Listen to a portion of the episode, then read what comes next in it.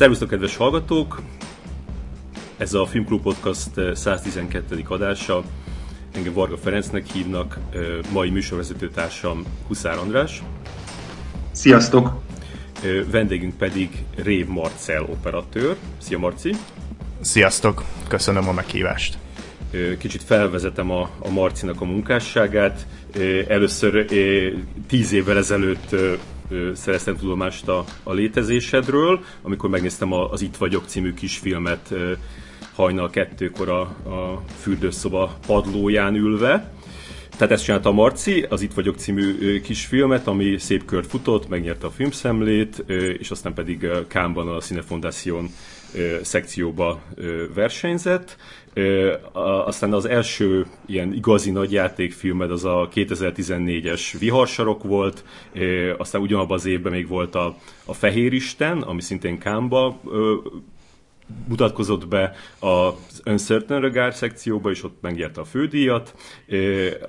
Három évvel később a Jupiter holdja már a Káni versenyszekcióba, mit csinált versenyzet, és, és akkor utána elkezdtek jönni az amerikai munkák, mivel a Fehér Isten az egy ilyen, tehát az, az, az bemutatták Amerikába, moziba rendesen, és akkor az lett a, a, a legsikeresebb magyar film az amerikai mozikba, tehát előtte a Control volt, azóta persze a Saul film meg az 1945 lenyomta, de akkor azt, azt nagyon sokan látták, és akkor úgy tudom, hogy annak kapcsán keresett meg Sam Levinson rendező, és akkor vele megcsináltad a Gyilkos Nemzedék című filmet, Assassination Nation az eredeti címe, aztán utána az ő apukája, Barry Levinson, aki a Jó reggelt Vietnám és a, az eső embernek a Oscar-díjas rendezője. Ő, ő kért fel egy filmre, ez volt a Paterno, Al Pacinoval a főszerepben, és akkor ezután jött a, a, a, az HBO sorozat, az Euphoria, amit, amit szintén a Sam Levinson hát rendezett több részt, de, de hogy ő, ő volt a, ő a fő alkotója, és akkor ennek a, a, az első négy részét fényképeztette, mert utána elmentél az Enyedi Ildikónak a Feleségem története című filmét fényképezni.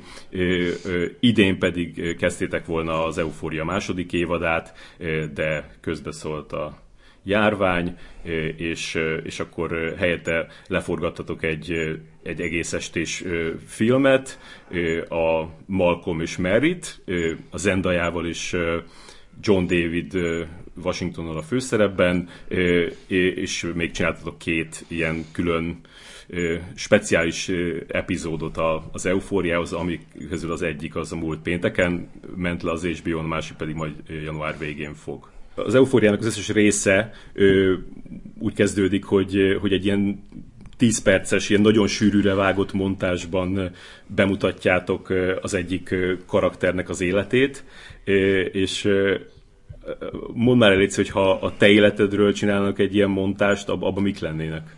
Elkezdtem mondjuk így az anyaméhtől, én is. Azt, azt tudom, hogy a, a, az anyukám nagyon sokáig vajúdott velem, azt hiszem, hogy 14 órán keresztül uh, uh, születtem, ami csak azért olyan szempontból érdekes, hogy, uh, hogy, hogy utálok ilyen, azt hiszem, hogy a, a, a mi ez, any, any, anya, hogy hívják ezt a köldögzsinór a nyakam köré tekeredett, és az állandóan visszahúzott uh, az, a, a szülőcsatornából. És ezért azóta is eléggé, vagy nem tudom, hogy ezért, de valószínűleg ezért eléggé frusztrál, hogyha valami így beszorul.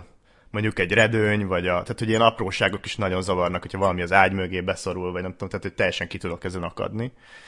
És azt hiszem, hogy így vagyok ilyen élethelyzetekkel is, hogy, hogy, hogy nem szeretem, hogyha, hogyha ilyen statikussá válnak élet, élethelyzetek, vagy hogy azt érzem, hogy így megrekedek valahol, vagy...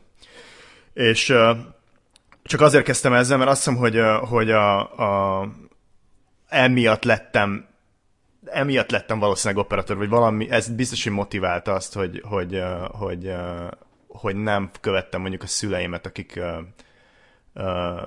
egyikőjük sem művészeti pályán, egyikőjük sincs művészeti pályán, nincs, szóval ők azért irodában, irodákban dolgoztak az életük nagy részében, És azt hiszem, hogy ezt elég hamar tudtam, hogy nem, hogy ez, ez, ez nekem nem menne, hogy, hogy csak, hogy minden nap ugyanoda be kelljen mennem, tehát egy reggel 9-től este 6-ig dolgozzak valamit.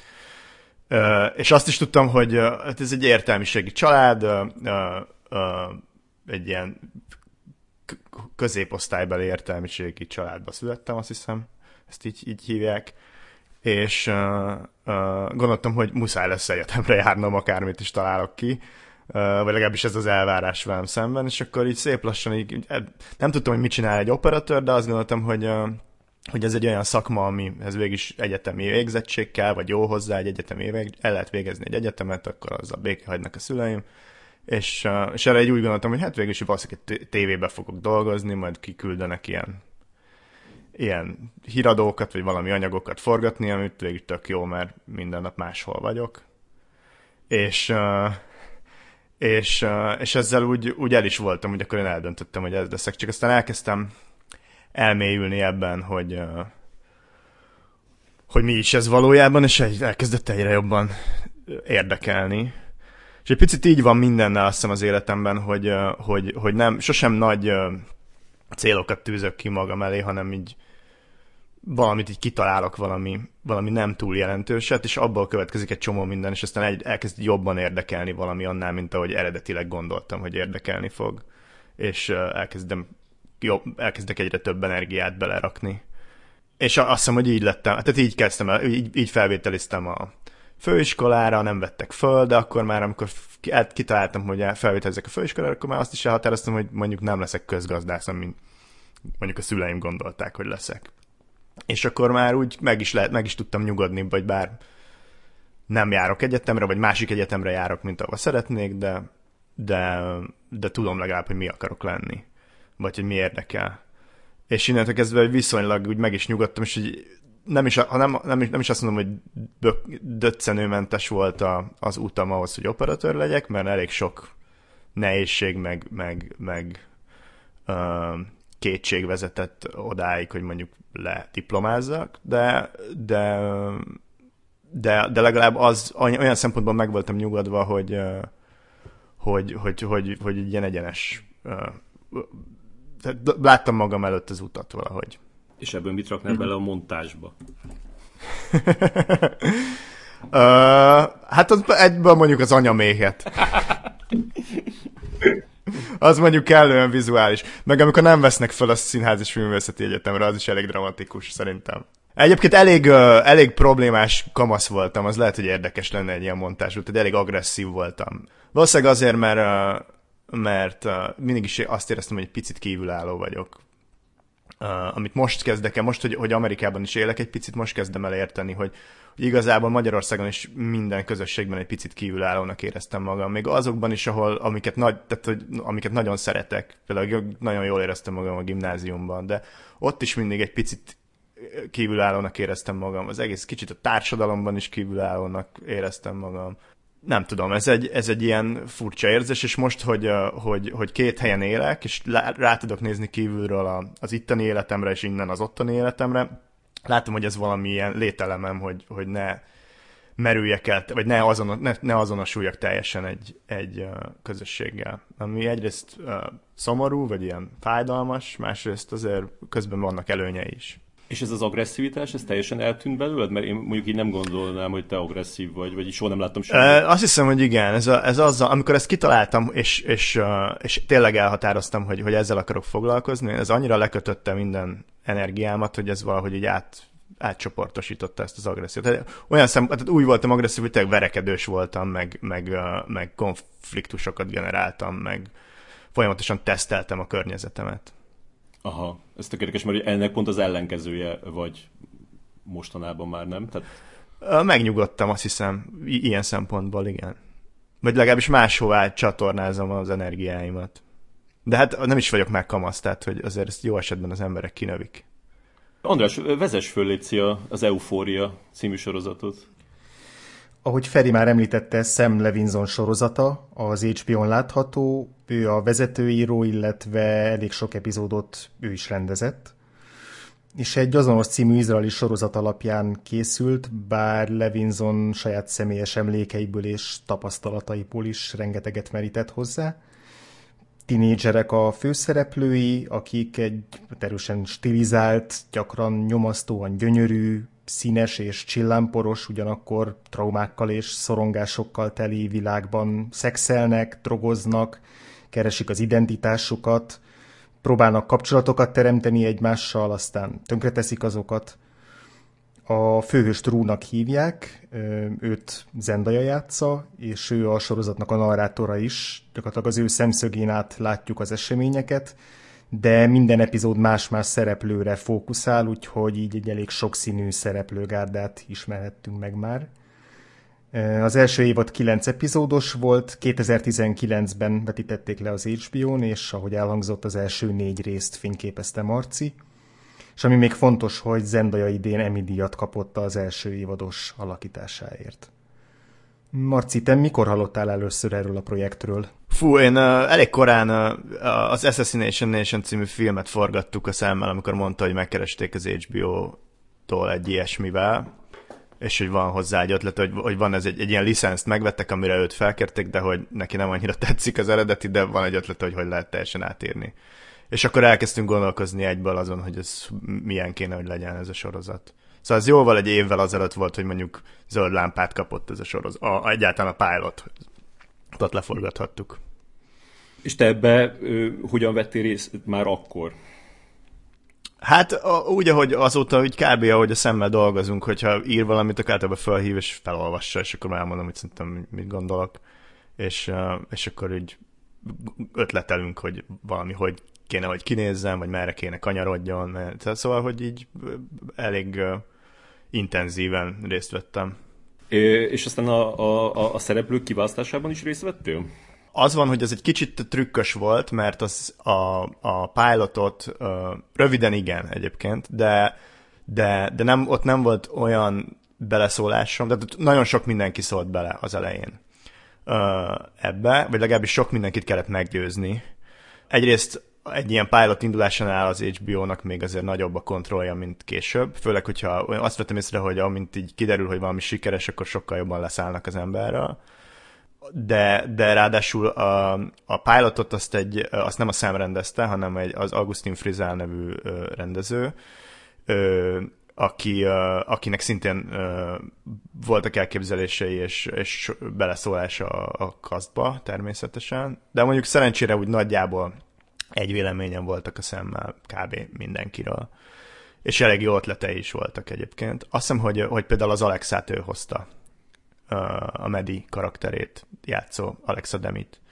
És, és, és olyan szempontból benne voltam, hogy minden, megnéztem minden, mindenkinek a, az ilyen self tépjét aki, akit ők jónak gondoltak. Ott voltam a végső kiválasztásnál, ami egy ilyen személyes casting um, az HBO épületében, uh, Los Angelesben. Um, szóval igen, ott voltam. De Szóval azért nem én döntöttem el, hogy ki, legyen, ki játsza az egyes főszerepeket. Uh-huh. És a Zendaya az adott volt, vagy, vagy arra a szereplő is megnéztetek másokat? Az, az nagyon érdekes volt, mert, a, mert összeraktunk még na, nagyon az elején egy ilyen moodboardot, hogy, ami körülbelül csak egy ilyen hangulat, hogy hogy néz neki ez a ez a sorozat, és hogy milyen karakterek vannak benne, és oda bekerült a, a zero egy fotó, és az a, akkor így bekerült valahogy így az agyunkba. És, és akkor, amikor ez így élesedett, hogy ki kell választani, hogy ki a főszereplő, akkor a, akkor a Sam és az Augustin elhívták egy találkozóra. Egyébként ő nem, kaszt, tehát ő nem castingolt erre a sorozatra. Tehát ez egy személyes találkozó volt egy kávézóban. Én meg utána még azt hiszem kettő ilyen személyes találkozó és, és casting nélkül döntötték el, hogy ő legyen. És ilyenkor akár a castingon, vagy akár a forgatáson, hogyha egy színész először lép a kamera elé, akkor te rögtön le tudod venni, hogy fú, nagyon jó lesz, vagy rajta még gyúlni kell egy kicsit, dolgozni kell vele. Ez mennyire látszik így elsőre? Hát van, akin ez elsőre látszik, és van, akin dolgozni kell, vagy van, akinek rossz napja van. Tehát van, aki... Tehát ezért több körösek ezek a castingok, általában három, egy főbb szereple, akár még annál sokkal több is lehet, de, de, de minimum azért háromkörös castingok szoktak lenni, ö, ö, csak azért, hogy ha valaki egyszerűen jól néz ki, vagy nagyon illik ö, a, a külseje egy karakterre, és mondjuk nem olyan jó az első ö, ilyen ö, castingja, akkor, akkor, akkor azért visszahívják, és, ö, és, és megpróbálják még egyszer, vagy, vagy, vagy személy, megpróbálják személyesen, vagy általában az úgy szokott kezdődni, hogy az első kör az ilyen self-tape, tehát hogy saját, magad fölveszi, saját maguk fölveszik és beküldik, és, és az alapján, vagy ha valakit ismersz, tehát hogyha valakit ismertebb színész, vagy személyesen ismered, akkor lehet, hogy csak be, behívod beszélgetni személyesen, de, de általában ismeretleneket megkér, megkérik a casting direktorok, hogy vegyék fel önmagukat, és akkor abból kiválasztjuk, vagy de leginkább a szem, de hogy így együtt kiválasztjuk, hogy kik az érdekesek, azt uh, uh, azokat visszahívják egy, egy személyes castingra, de először a casting direktorral, esetleg egy jelenetet a következő részből, vagy, a, vagy, vagy, vagy valami kamu jelenetet uh, eljátszanak, és, és akkor abból jobban érzed, hogy mik a színészi kvalitások, vagy hogy a, konkrétan a szerepre milyen színészi kvalitásai vannak, mennyire illik rá, mennyire tudod elképzelni. És hogyha az jól sikerül, vagy az alapján érdekes, akkor, akkor jön utána egy, egy harmadik lépés. Amikor esetleg egy másik szereplővel összerakod, stb. De azt hiszem, hogy ez nagyjából mindenhol így megy, kivéve, hogyha valaki valakire már egyből, egy, tehát hogy valakire írja a szerepet. És olyan volt, hogy valaki akár egy ilyen többkörös casting sorozat után, miután már összenéztétek más színészekkel, meg láttatok vele felvételeket, hogy így élesben a kamera előtt így, nem tudom, tök más lesz? Tehát, hogy az éles helyzet az hirtelen valami mást hozott ki belőle? Akár jobbat, akár rosszabbat? Van olyan, hogy az ember meglepődik, de olyan nagyon ritkán van, hogy valaki, uh, valakiben nagyot csalódunk így a, a, az utolsó, for, tehát akiben nagyon bízunk és nagyot csalódunk. Inkább olyanok vannak, hogy tudod, hogy ke- kettő-három van, aki mind a három elég jó, és akkor valaki ki kell, hogy magasodjon ebből. De hogy, hogy az, hogy ó, ő lesz az, ő lesz az, ő lesz az, jaj, mégse, ez azért ritka. És olyan van, hogy a, a, a forgatáson, mert az András arra ö, utalt, hogy a forgatáson ö, derül ki, hogy, hogy tehát lehet, hogy egy, egy casting szobában tök jól nyomta, ö, de amikor ö, ott vagytok kint egy helyszínen, és ott van száz ember körülötte, akkor meg lefagy. Nem nagyon volt ilyen az eufóriában, de azért létezik ilyen, hogy, hogy általában ez furcsa módon ö, ö, komolyabb, ö, ö, híresebb színészekkel szokott lenni, legalábbis az én tapasztalatom az, hogy, hogy, hogy, hogy hát nehezebb, mint ahogy ugye az ember elképzelni. Nehezebben megy. És ez lehet nem feltétlenül az ő hibájuk mindig, vagy nem, de hogy van, hogy, hogy, hogy valaki, vagy nincs annyira felkészülve, vagy nem. De ezért az eufória az például ilyen szempontból nagyon jó, mert egy, nagyon, egy fiatal, nagyon ambiciózus ö, szereplőgárda, és ők, ők tényleg nagyon oda teszik magukat. De azért, hogyha már valaki 10, 20, 30, 40 éve van a pályán, akkor nem biztos, hogy minden nap úgy érkezik meg, hogy ez, ez tökéletes kell, hogy legyen. Bár egyébként ilyen szempontból elég jó élményeim vannak Amerikában, ott azért ott értékelnek egy lehetőséget az emberek tényleg. Nem csak a színészek, hanem mindenki. Magyarországon is van, aki nagyon értékel egy lehetőséget, és aztán van, aki nem annyira értékel uh-huh. őket. Fussunk végig a, a, a színészeken egyenként, és akkor mondj, mesélj, mesélj róluk valamit így színészileg és emberileg. Kezdjük először a, a, az én nagy kedvencem Austin Abrams, aki a, az Ethan nevű karaktert játsza egy ilyen srác, aki a, a, a kettel kezd egy, egy kapcsolatot, de aztán hogy valahogy így félre mennek a, a dolgok ilyen félreértések miatt.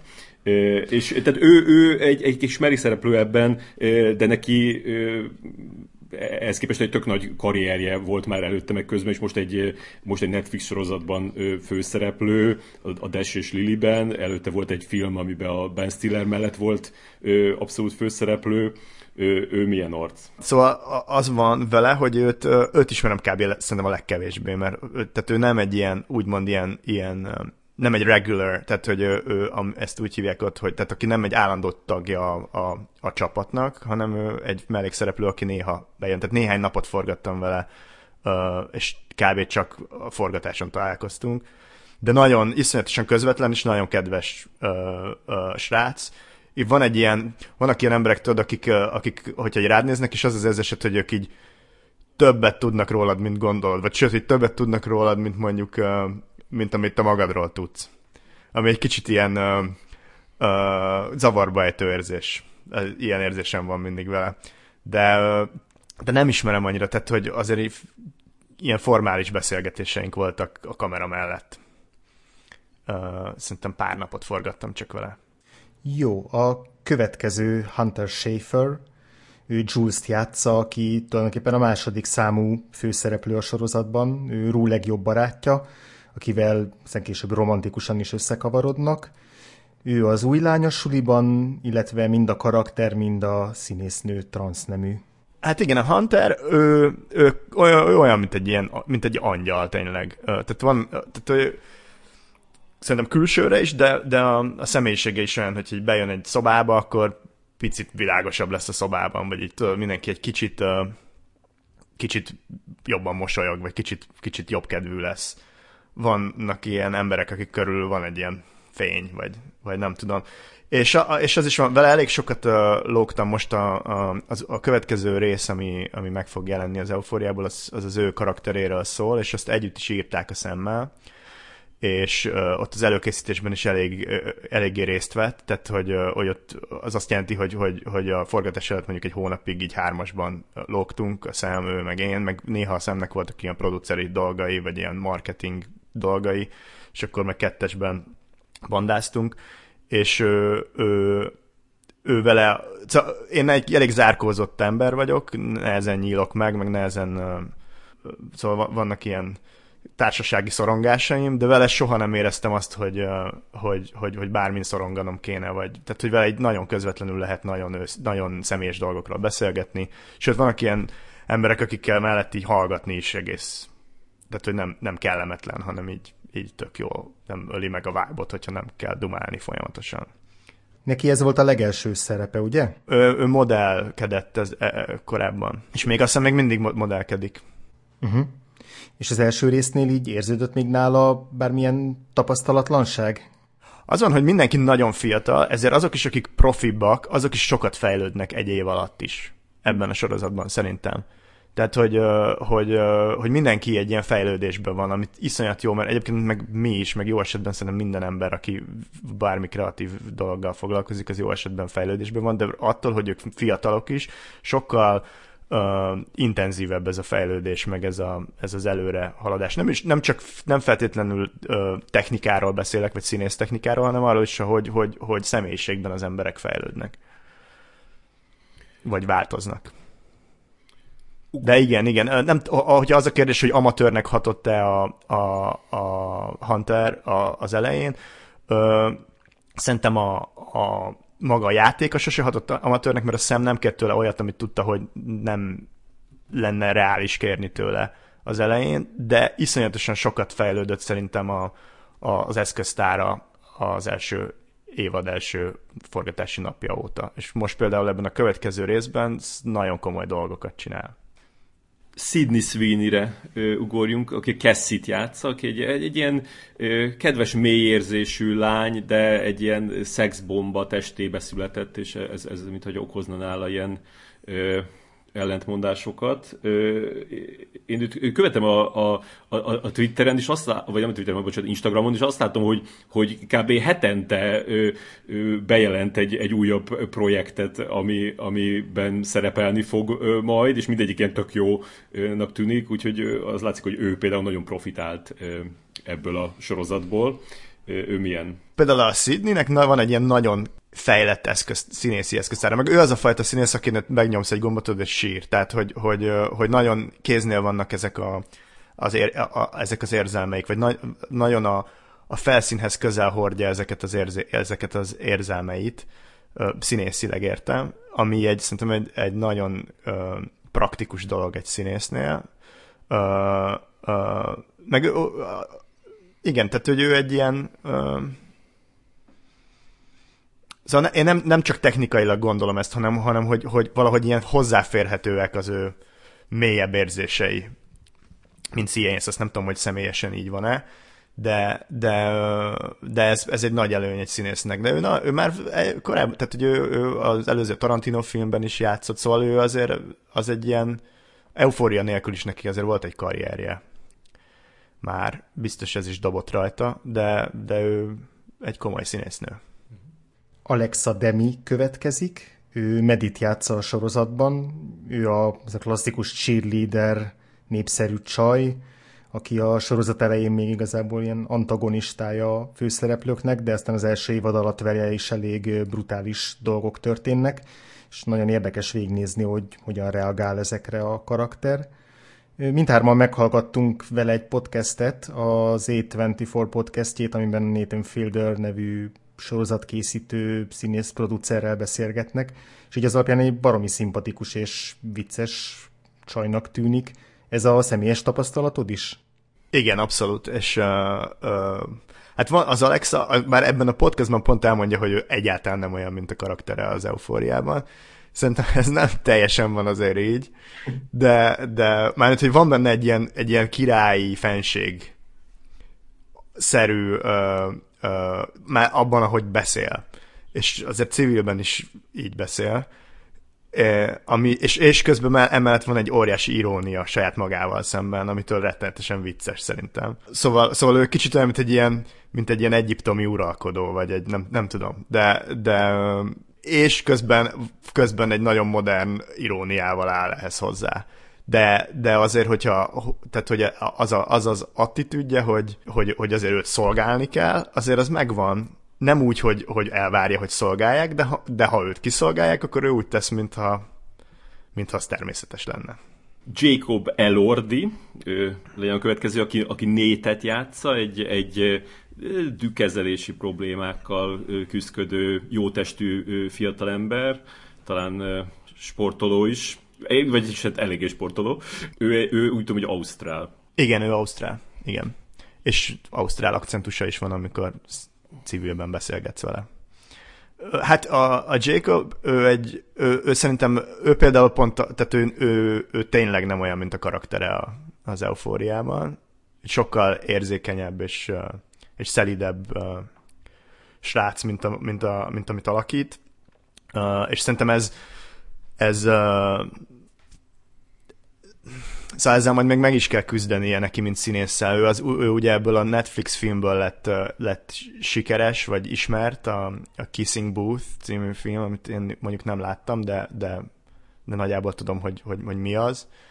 Uh, ami, és, és abból is az látszik, hogy, uh, hogy őt a, azért a megjelenése emelte föl, vagy lett, a, a részben amiatt lett uh, ismert, de benne van egy komoly színész, és ő, szóval ő ezzel küzd, hogy, hogy őt benne a színészt lássák, és ne pedig ezt a foci, uh, focista uh, jó csávót, uh, ami, amiben ki, az eufóriában ez már egy sokkal árnyaltabb szerep, meg egy komolyabb uh, uh, dolog, de, de azért még mindig az a, azt a karaktert kell hoznia, vagy annak egy verzióját kell hoznia.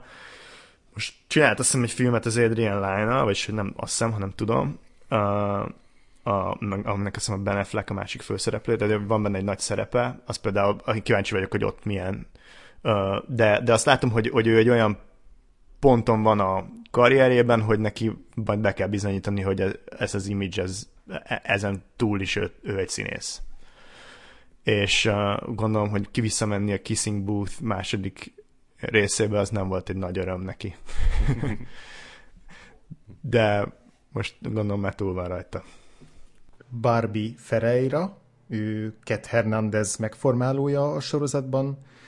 Egy olyan karakterről van szó, aki elég sok változáson megy keresztül az első évadban, főleg külsőre, így kipróbálja magát különböző, nem tudom, sztájlokkal, öltözködéssel, illetve a szexualitását is hát elég extrém módokon próbálja ki. Hát ő mindig, legalábbis a, a forgatása mindig nagyon jó kedvű, iszonyat jó humora van, kicsit a, mondjuk a módiddal együtt olyanok, mint hogyha egy ilyen, hogyha így a, ott, ott vannak a közeledben, akkor olyan, mint hogyha egy ilyen végjátékban lennél folyamatosan.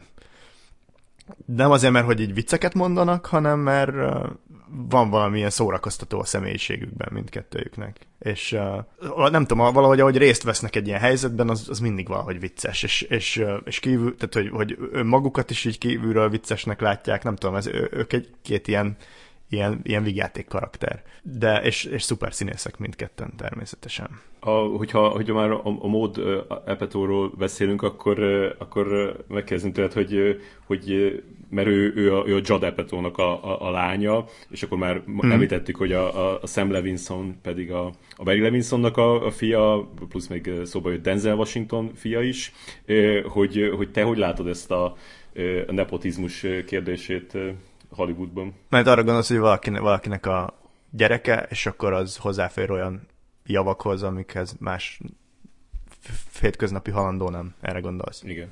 Szerintem ez, ez nem csak Hollywoodban, ez mindenhol egy kérdés. Ez azért, szóval a, a világon ez azt hiszem mindenhol így van.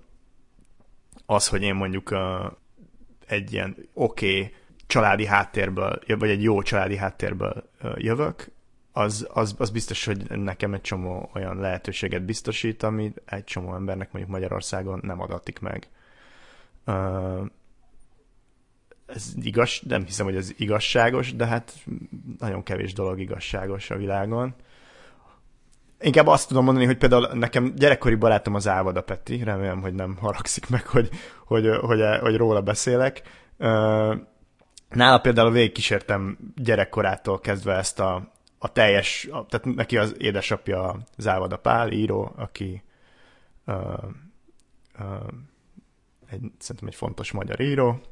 Uh, végigkísértem, szóval, hogy őt, hogy, hogy a teljes tagadástól, attól, hogy, hogy a korai kamaszkorától te, nagyon az ellenkezőjét akarta csinálni, és nagyon az ellen, tehát egy ilyen igazi lázadás az ellen, ami az, ami az apja, odáig, hogy ezt így azon keresztül, hogy, hogy egy ilyen részleges tagadásban volt, uh, uh, és aztán odáig, hogy elfogadta, hogy őt mi érdekli, és, uh, és, uh, és, és azt hiszem, hogy azért a, mondjuk a, szerintem a világ, vagy legalábbis Magyarország biztosan sokat vesztene, hogyha ő mondjuk nem költő, rapper, slammer lett volna, hanem mondjuk közgazdász. Uh-huh. De lehet, hogy nagyon jó közgazdász lett volna, de azt nem tudjuk. Kicsit ezt gondolom, a, a, mondjuk a, a, én a szemet ismerem ezek közül, akiket mondtál a legjobban. Úgy látom, hogy a szem is egy ilyen hasonló úton ment végig, csak ő mondjuk a kábítószer függőből lett filmrendező, és az igaz, hogyha nincs mondjuk az apja, hogyha az apja nem egy menő filmrendező, akkor ő most börtönben van valószínűleg. Szerintem így is uh, kevésen múlt, de, de, de de, de az is igaz, hogy mondjuk nem nagyon ismerek nála keményebben dolgozó, szorgalmasabb embert. Per pillanat. Mm.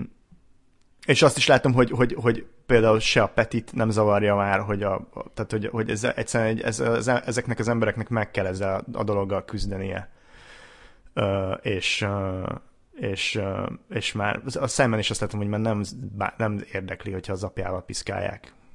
Szóval ez túl teszi magát, gondolom, egy idő után az ember. De, de az is igaz, hogy be kell bizonyítsd kifelé, hogy, hogy te önmagadtól is érdemes vagy arra, aki vagy. Ami nehéz dolog lehet. Igen. De még nehezebb dolog mondjuk, hogyha nincsen esélyed arra, hogy azt csináld, amit szeretnél. De mondjuk a Jade, tehát mondjuk a John David Washington, aki uh, amerikai focista volt, mielőtt színész lett, szóval az NFL-be se úgy vesznek fel, hogy az apukát híres színésze, hanem ott pontokat kell szerezni, különben kikap a csapat. Még néhány színészt azért emeljünk ki. Például az én egyik kedvencemet, Angus Cloud, aki Fest, a rendítetetlen nyugalmú drogdílert alakítja. És így emlékszem, hogy az első évad után a rajongók így két szereplőre mondták, hogy a második évadban nagyon szeretnének egy csak róluk szóló külön epizódot, az egyik az a Modepetó volt, a másik pedig a, az Angus Cloud. Úgyhogy egy ilyen közönségkedvenc karakterről van szó. Uh, igen, az Angus, hát ő soha nem akart színész lenni, egy Oaklandi utca gyerek street castinggal leszólították az utcán, és mondta, hát miért ne? És körbe azóta is ez az attitűdje. Uh, nagyon szeretem őt. Uh, uh, ilyen igazi, ilyen nyílt szívű, ilyen szívlélek uh, srác. Uh, nem nagyon változott, mióta valamennyire ismert lett. Uh, szerintem ő ezt egy ilyen Isten adta ajándéknak tekinti, hogy ebbe egy részt vesz, jól érzi magát, és azt hiszem, hogy úgy is tekint rá, hogy ezt, ahogy az Isten adta, úgy el is veheti bármelyik pillanatban. És akkor ott van uh, Coleman Domingo, aki, aki most uh, főleg ebben a, a, a speciális epizódban nagyon előtérbe került. Ő, ő, egy, uh, ő nem egy tini, hanem ő egy 50 körüli uh, fickó, akivel uh, Rú a a, az elvonón találkozik, vagy, a, vagy már az ilyen, hogy ezeket? A... Igen, a Narcotics Anonymous uh, uh, gyűléseken, az olyan, mint a anonim alkoholisták, csak az anonim drogfüggők gyűlései. Igen, igen, és ő, ő már benne volt a Assassination nation is, tehát ő már így... Igen, őt régebről ismerem. Ő, ő, a Coleman, ő ilyen óriási, nagyon ilyen, egy, egy nagyon nagy lelkű ember, de szerintem ez érződik is minden mondatából. Szerintem iszonyatos szuper színész, ráadásul neki van egy ilyen nagyon komoly színházi háttere, és uh, szerintem, hát volt az a, a Barry Jenkinsnek abban a If Beale Street Could Talk című filmjében. Ez egy nagyon komoly színész. Uh, szerintem, szerintem nem kap elég uh, lehetőséget. Szóval jobb színész, mint amilyen lehetőségei vannak, és szerintem ez látszik is ebből az új részből, és legalábbis remélem, hogy látszik. Igen, hát biztos, hogy sokan felfigyelnek rá, hogy, hogy mennyire jó és akkor, és akkor utoljára Zendaya. Igen, hát az ő egy filmsztár. Szerintem ennek a legklasszikusabb Hollywood értelmében, és természetesen a legjobb értelmében. Az, sok mindenkire mondják ezt, hogy filmsztár, ő szerintem olyan, aki, aki hogyha jobban megismered, akkor sem kopik el ez a, ez a jelző. Tehát, hogy van, aki sok mindenkit fölemel a figyelem, meg a népszerűség, és aztán, ahogy az ember kicsit megismeri, úgy ez így elhalványul, meg úgy meg. Én, én kb. három éve ismerem az itt, és ahogy egyre jobban ismerem, ez csak egyre erősödik bennem, hogy ő egy filmsztár. Tehát, hogy van, amikor csak így, például voltunk egy ilyen, tavaly voltunk valami HBO buliban, és akkor így elnéztem így az emberek fej fölött, és így, tudod, így látod, hogy valaki egyszerűen hogy viselkedik, meg hogy, hogy néz ki, meg hogy, és egyszerűen egy, nem tudom, vannak ilyen emberek, nem, nem, nem tudom mi a titka, de, de van, van ilyen, ja. hogy ő egy filmsztár. Csináltunk egy interjút a Paterno kapcsán a Recorder magazinban, és ennek az volt a címe, hogy nagyon nehéz lehet Al Pacino-nak lenni. Erre nyugodtan rákeresetnek a, a, a hallgatók. És Zendajának lenni is nagyon nehéz szerinted? Én azt láttam, hogy boldog nagyon az Z, de nem nagyon jár sehova. Tehát, hogy most a, még a járvány előtt sem, szóval ő otthon szeret ülni. Nem nagyon jár sehova, mert, mert nem nagyon tud. Ez azért ő egy ő most már egy világsztár. Nyilván nem a szüleink korosztályának ismert, de a, a mi és az alattunk lévő korosztálynak egy nagyon nagy sztárja lesz, és már szerintem már elég jó úton van a felé nehezen tud elmenni vásárolni a boltba. Te voltál ennek tanulja, hogy elme, mondjuk a forratási szünetbe kimentetek? Ah, voltam sok ilyennek tanulja, és nagyon rossz lehet ezt belülről hosszú távon átélni. Elmesélsz egyet?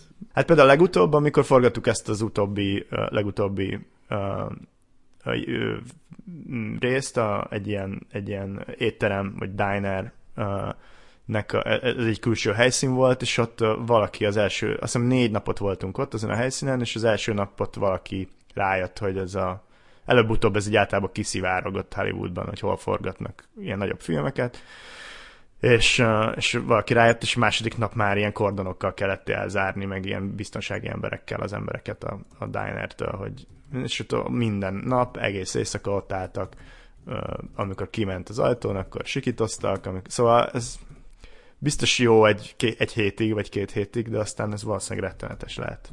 Most volt vele egy, egy, egy, egy interjú az Essence magazinban, és ott, ott arról is beszélt, hogy egyrészt érdekes volt, hogy amikor a, a, a Malcolm és Mary-ről volt szó, akkor, akkor téged is megemlített, tehát azt mondta, hogy ti úgy négyen ültetek és, és ötleteltetek a, a, a történetről, ez kedves tőle, és, és, és, még, és még azt is mondta, hogy hogy, hogy, nagyon, hogy nagyon érdekli őt a, a, a fényképezés, tehát a film fényképezés. A... Igen, igen, igen. Ö, egy, tehát, hogy ő iszonyatos alázatos színész egyrészt, tehát így nagyon keményen dolgozik, nagyon, tehát ott van, és ő az, aki tényleg érdekli. Egyrészt állandóan fotózik minden uh, forgatáson, és ő, tehát ő a két ilyen át, egy, két, egy átállás köz, közben nem megy ki a trailerbe alud, aludni, vagy pihenni, vagy nem tudom, hanem ő ott így van, amikor nem is kéri, hogy jöjjenek be a... Nyilván mínusz 10 fokban kint a hóban és szélben beáll a helyette a stand-in, vagy a fénydublőr, de, de általában egy ilyen műtermi jelenetben inkább ott marad, és hagyja, hogy rajta világítsunk, vagy így rávilágítsunk, és akkor látszik, hogy tökre érdekli meg meg, ja, és ő tudja a legjobban utánozni az akcentusomat, meg a viselkedésemet, de elég jó ilyen Rév Marci paródiát tud. Reméljük, hogy ezt majd egyszer kirakja a, a, a Twitterre, vagy az Instagramra, Rév Marci paródiáját. Nem, vagy nem.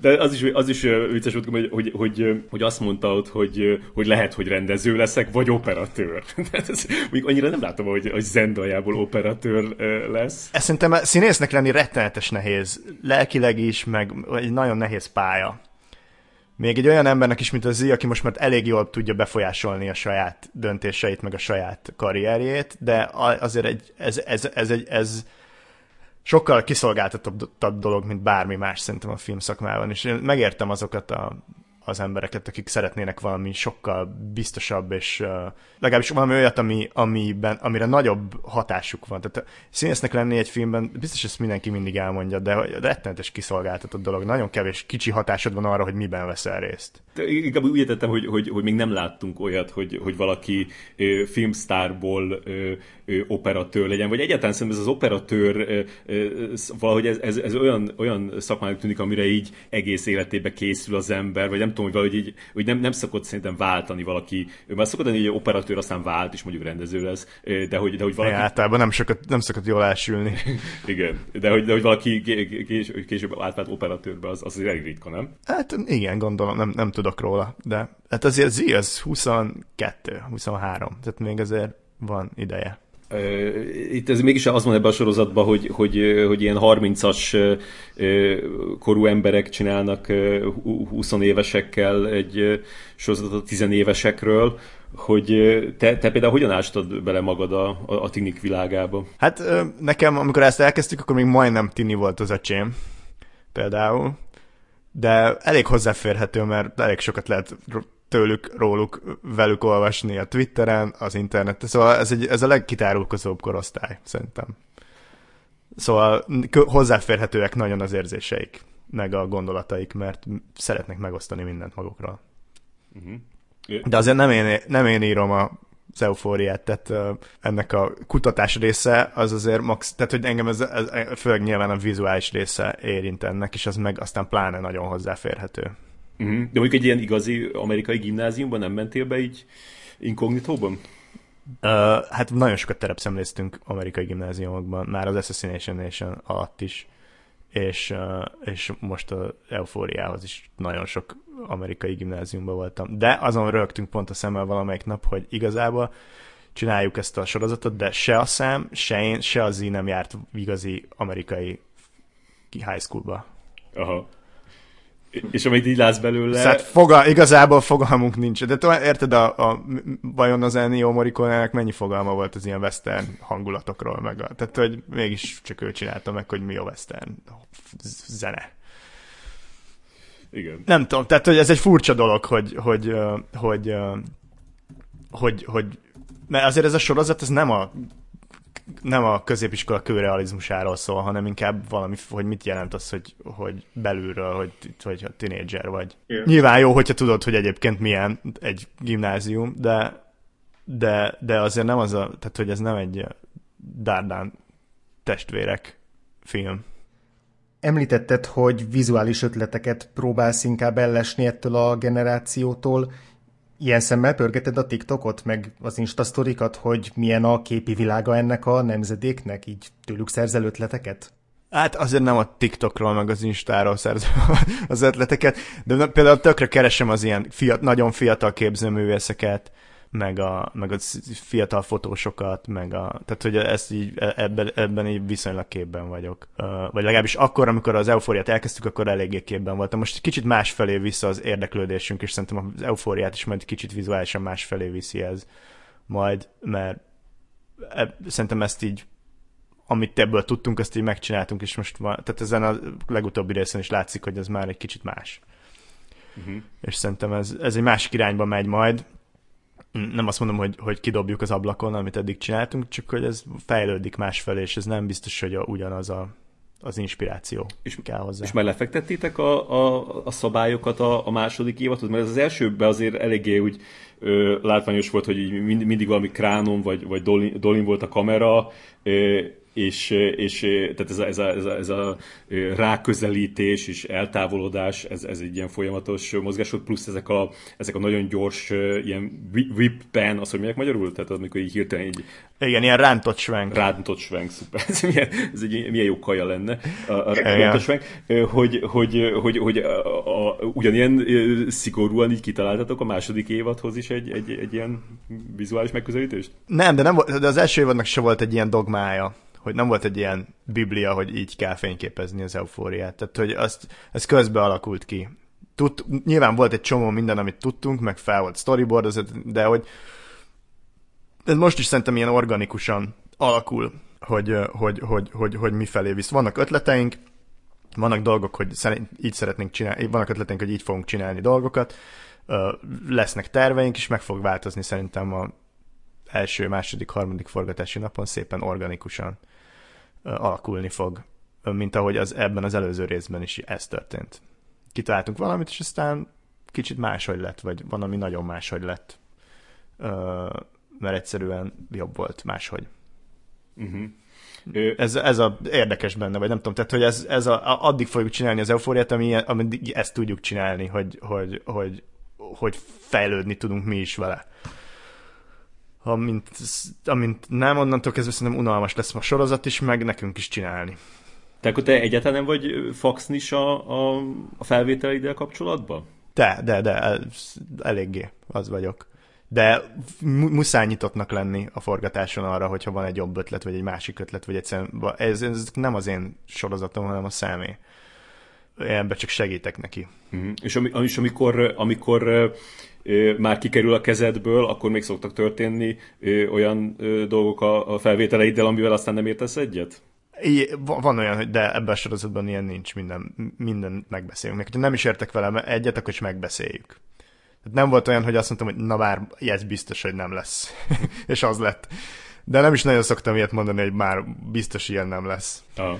Mire ott, ott tartunk, hogy, hogy, hogy felveszünk valamit, addigra már elég sok mindent átrágtunk. Tehát, hogy E, ahhoz eléggé, az, azért ahhoz eléggé egy hullámhosszon vagyunk, hogy ne legyen ilyen, hogy... Uh-huh.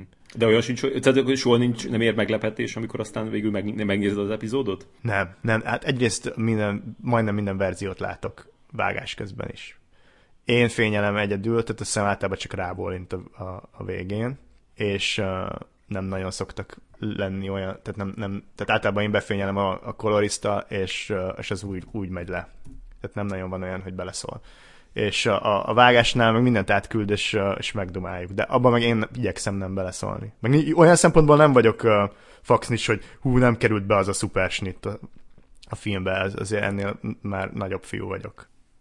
Mondtad az előbb a fényelést, meg kellett tanulnod Amerikában, hogy a fekete bőrszint hogyan kell világítani? Vagy erről volt szó az SFN? Nem, az SFN erről nem nagyon volt szó. Egyébként a Tibor mesélt nekünk, pont a, a Máté Tibor, az, aki az osztályfőnökön volt a főiskolán, ő csinálta a, a Simon Mágus című filmet, és ott az Uber Kundet, aki a, azt a, a rendőrt alakítja, aki a, egyébként a, a Gyűlölet című filmben az Uber nevű karakter. Őt világította, és mondta, hogy, hogy azért ott küzdenie kellett. Én nekem az az érzésem, hogy, hogy má, teljesen más a fekete bőr, más tulajdonságai vannak, ugyanúgy, mint a fehér bőrek, rengetegféle fekete bőr van, ugyanúgy, hogy rengetegféle fehér vagy világos bőr van, és a kettő között, és, és vannak, vannak helyzetek, amikor ez nehézséget okoz, amikor meg kifejezetten előnyös egy fekete bőrű ember, egy fekete bőrű színész bizonyos helyzetekben, egyszerűen másképp csillan a bőre, másképp, másképp kell világítani, de, de, de iszonyúatosan gyönyörű dolgokat lehet vele csinálni. Mm. Ez főleg a, egyébként a, a, most a Malcolm and Marie, amit csináltunk a Sam Levinsonnal legutóbb, a, ez egy fekete-fehér film, ami filmre forgott, ráadásul egy nagyon érzéketlen anyagra. Ott eléggé be voltam szarva előtte, és nagyon igazából végül eléggé megkönnyítette a dolgomat pont a, a John David Washington ö, ö, arca és ezt már említettük, hogy, hogy azért sokszor vannak ilyen az intoxikációnak a különböző állapotában a, a karakterek ebbe a sorozatba, tehát vagy beszívva, vagy, vagy bedrogol, mert egyéb drogok, vagy, vagy, vagy alkohol, hogy, hogy de ezt hogy látod, hogy a, a színészek hogyan érik el ezt a, ezt a bedrogozott állapotnak a, a, a látszatát, milyen technikákat látsz náluk? Én nem látok technikákat. Mármint, hogy nem szoktak bedrogozni, hogyha ez... Nem. Egyébként nincs benne olyan sok drogozás, az Z szokott uh, felszippantani dolgokat az orrába de azt se sokat. Legalábbis én, én nem emlékszem nagyon sok drogozásra. Hát én... Mert hogy az Zí van az, hogy, hogy, hogy drogozik. Hát én most azért az első részt újra néztem, és ott, ott azért az a partiját, azért mindenki valahogy be van de nem is úgy értettem, hogy, hogy bedrogoznak, mert ezt nem gondoltam, hogy bedrogoznának, de mondjuk azt el tudom képzelni, hogy, hogy így elkezdenek így, így, így pörögni, mondjuk, mármint, hogy így forogni, hogy így elszédüljenek. Hogy ne, ne. Ja, nem, nem, nem, ilyet nem szoktak csinálni. Szerintem a, a, a, a, a szem, az van egy ilyen, az, az így szokta, hogy az így sosem próbált semmit, legalábbis azt mondja, és, és akkor a szem általában tart egy kis előadást, hogy milyen az, amikor milyen az amfetamin, milyen a nem tudom, milyen leszel tőle, és akkor ezt így megbeszélik.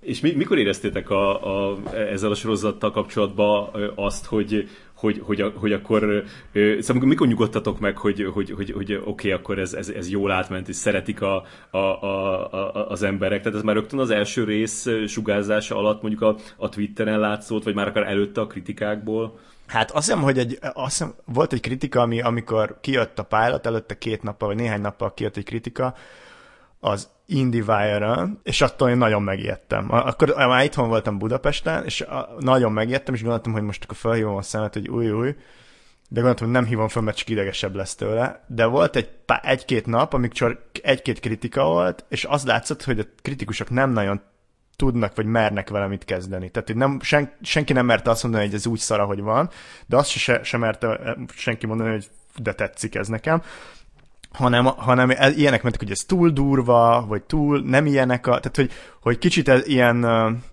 ilyen mellébeszélés volt. És akkor elkezdtem aggódni, és aztán szerencsére a közönség ezt átbillentette. De, de, de az elején úgy, úgy féltem. Aha. És szerintem mindenki félt az elején. És mikor nyugodtál meg? Tehát mikor az első rész után már megnyugodtál? Mit element? Megnyugodni sose nyugodtam meg. De, de de hát már nem foglalkozom vele. És az Assassination Nation-nel? Mert ott azért az volt, hogy bemutatták a Sundance-en, és akkor így rekordot is döntött, hogy a legtöbb pénzért vásárolták meg a forgalmazási jogokat. Aztán ősszel meg egy nagyot bukott a mozikban. Hogy itt töprengtetek azon, hogy ez miért nem találta meg a közönségét, miközben az eufória meg igen? Hát igen, töprengni, persze töprengtünk, főleg akkoriban, amikor megbukott. Hát szerintem ez több dolog is együtt. Egyrészt a, a, a, az Assassination Nation az egy, az egy ilyen baltával faragott szatíra. És ami teljesen fejjel megy a falnak szerintem.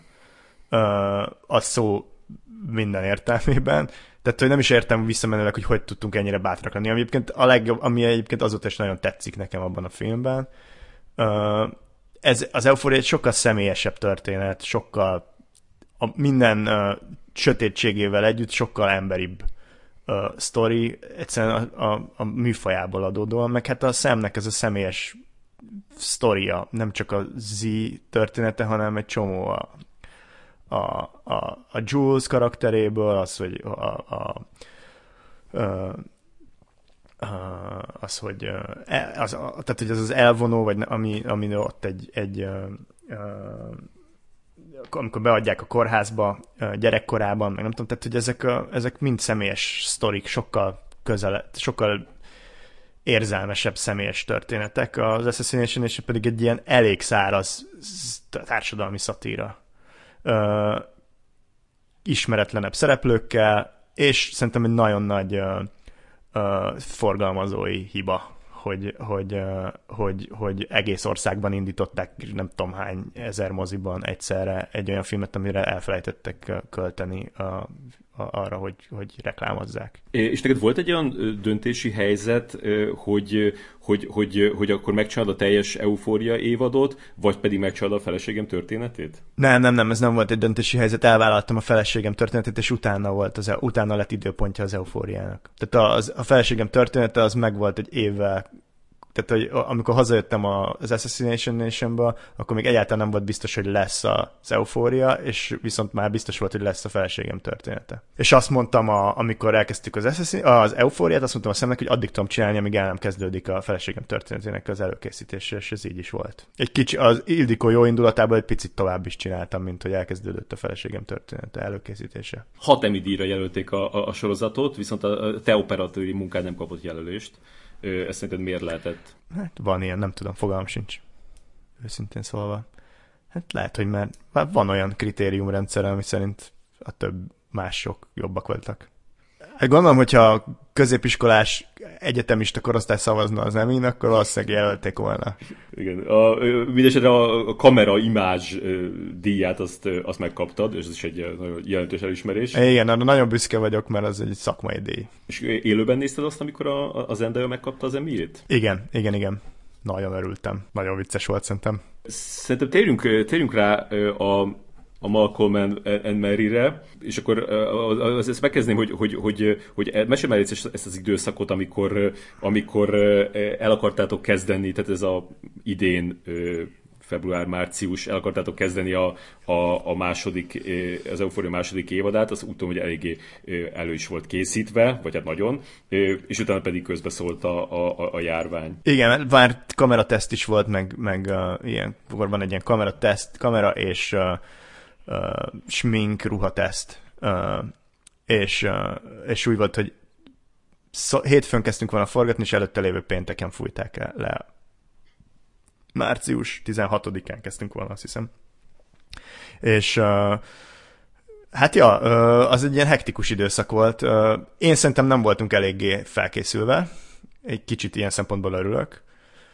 Az, de azért az mégiscsak az volt, hogy egy több mint, majdnem egy fél évet készítettem elő, és utána lefújták, ami azért egy elég nagy.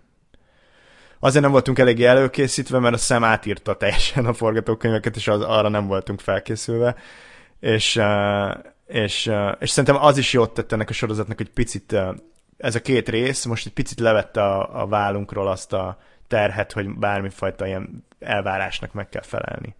Egy, egy egy sikeres sorozat is egy nagy teher szerintem. Tehát, hogy mostanra szerintem mindenki levetközte azt, hogy van az embereknek, tehát nem nagyon tud, tud, tudod nem figyelembe venni azt, hogy mi tetszik az embereknek.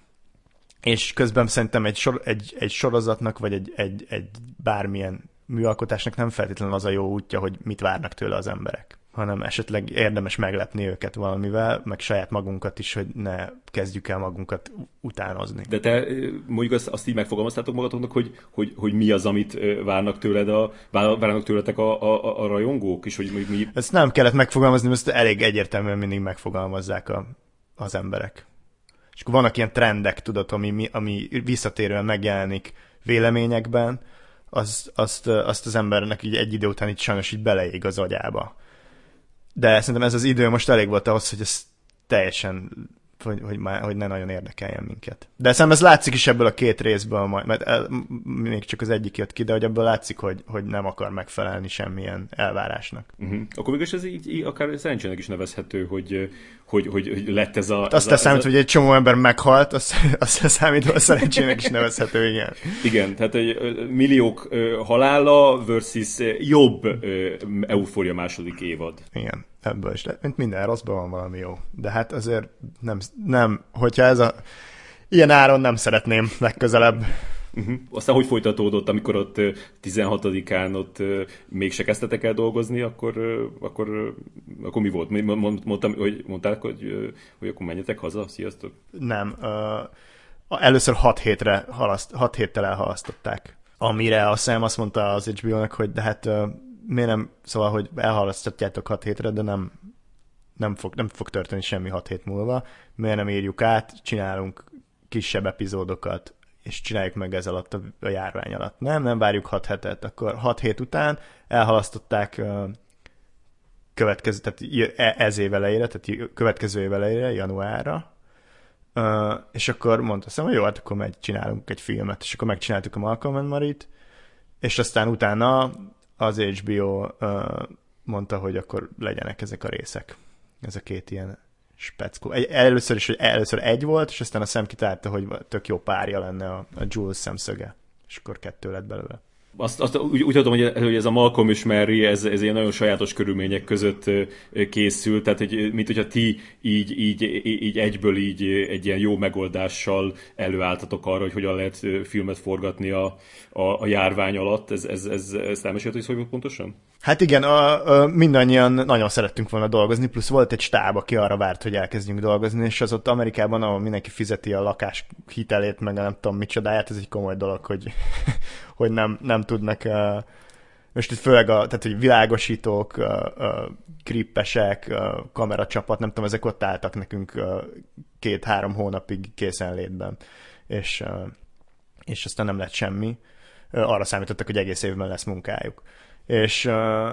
És, és amúgy is nagyon ilyen tett vágy volt bennünk, és akkor a, a Z is nagyon ki volt, hogy most akkor ez miért történik, mi, miért nem csinálunk valamit, találjunk ki valamit, és akkor a, Sam írta ezt a forgatókönyvet két hét alatt, azt hiszem. És elmentünk akkor a, a látványtervezővel, mi elkezdtünk helyszínt keresni, találtunk, egy, megnéztünk egy pár helyszínt, akkoriban Los Angelesben nem adtak ki forgatási engedélyt, ezért uh, egy kicsit északra, az ott Monterey mellett van, ahol a Big Little Lies játszódik. Uh-huh. Félúton kb. San Francisco és Los Angeles között. Uh, a tengerparton ott találtunk egy házat egy ilyen domboldalon, ami nagyon tetszett mindenkinek, és, és egy héttel később már karanténban voltunk a legközelebbi ilyen kis szálloda, ami le volt zárva, és csak mi voltunk benne, vagy ilyen, ezek ilyen kis bungalók voltak, és ott laktunk két hétig, mielőtt elkezdtünk forgatni, és aztán 14 nap alatt leforgattuk. De ez mondjuk, ez mondjuk szokatlan, nem, hogy, hogy ilyen nagy ö, sztárok ö, ö, belemennek egy ilyen helyzetbe, hogy kvázi így, így együtt lakjatok, és így elzárva mindentől, gondolom, nem lehetett elhagyni se. Hát igen, nem, szokatlan helyzet, de, de hát az Z az hát ő kérte, gyakorlatilag, vagyis nem, nem, hogy ő kérte, de hogy hát ő, ez egy, egy csapat volt, plusz a, plusz a JD, a John David Washington. Tehát mi egy csapat voltunk, aki úgy volt, hogy megyünk forgatni valamit, és végül valami más mentünk forgatni, de végül is ugyanúgy elmentünk dolgozni. És csatlakozott a John David Washington, akit a szem meggyőzött, hogy ez neki nagyon jó lenne és az hozzá, az, ez hozzátartozik, hogy senkinek semmi dolga nem volt közben. Tehát, hogy ez nem volt egy mindennapi helyzet. És te milyennek tartottad ezt a forgatókönyvet? Ez két hét alatt írta. Hát nézd meg a filmet, és majd utána beszélgetünk róla. De nem árul, de azt nem árul, de hogy te milyennek tartottad akkor? Hát én nem, én hogyha szarnak tartottam volna, akkor mondtam volna a szemnek, hogy dolgozzon még rajta egy kicsit. Aha, aha. De mondtad, hogy oké, okay, csináljuk. Igen, ezt mondtam. Mennyi pénzből készült ez a film? Kevésből. Amerikai, a magyar szinten ez azt hiszem, hogy 1 millió kettő volt. 1 millió két, 200 ezer dollár volt, de ennek a nagy része az volt, hogy laktunk valahol, és ott külön kellett a kaját is egy olyan embernek csinálni, aki ott lakott velünk. Tehát, hogy egy teljes, tehát mindenféle ilyen követelményeknek meg kellett felelni, egészségügyi követelményeknek. Tehát, hogy senki nem kapott fizetést, mindenki részesedést kapott a filmből. Tehát, hogy, hogy mindenki azt kockáztatta, hogy ez nem sikerül jól, akkor nem, akkor ingyen csinálta. De akkor ez egy ilyen nagy boldogság volt nektek, amikor, be, amikor kiderült ez a, ez a, ez a Netflix deal. Hát inkább úgy mondom, hogy nagy, hát főleg akinek a saját pénze volt benne, annak nagy megkönnyebbülés. Aha, aha. Elsősorban, aztán meg nagy boldogság, igen. Uh-huh. András, így foglal már össze így, így röviden, hogy, hogy, hogy mi, mi, mit tudunk erről a filmről? Hát igazából csak egy pár mondatos szinopszis jelent meg róla a sajtóban.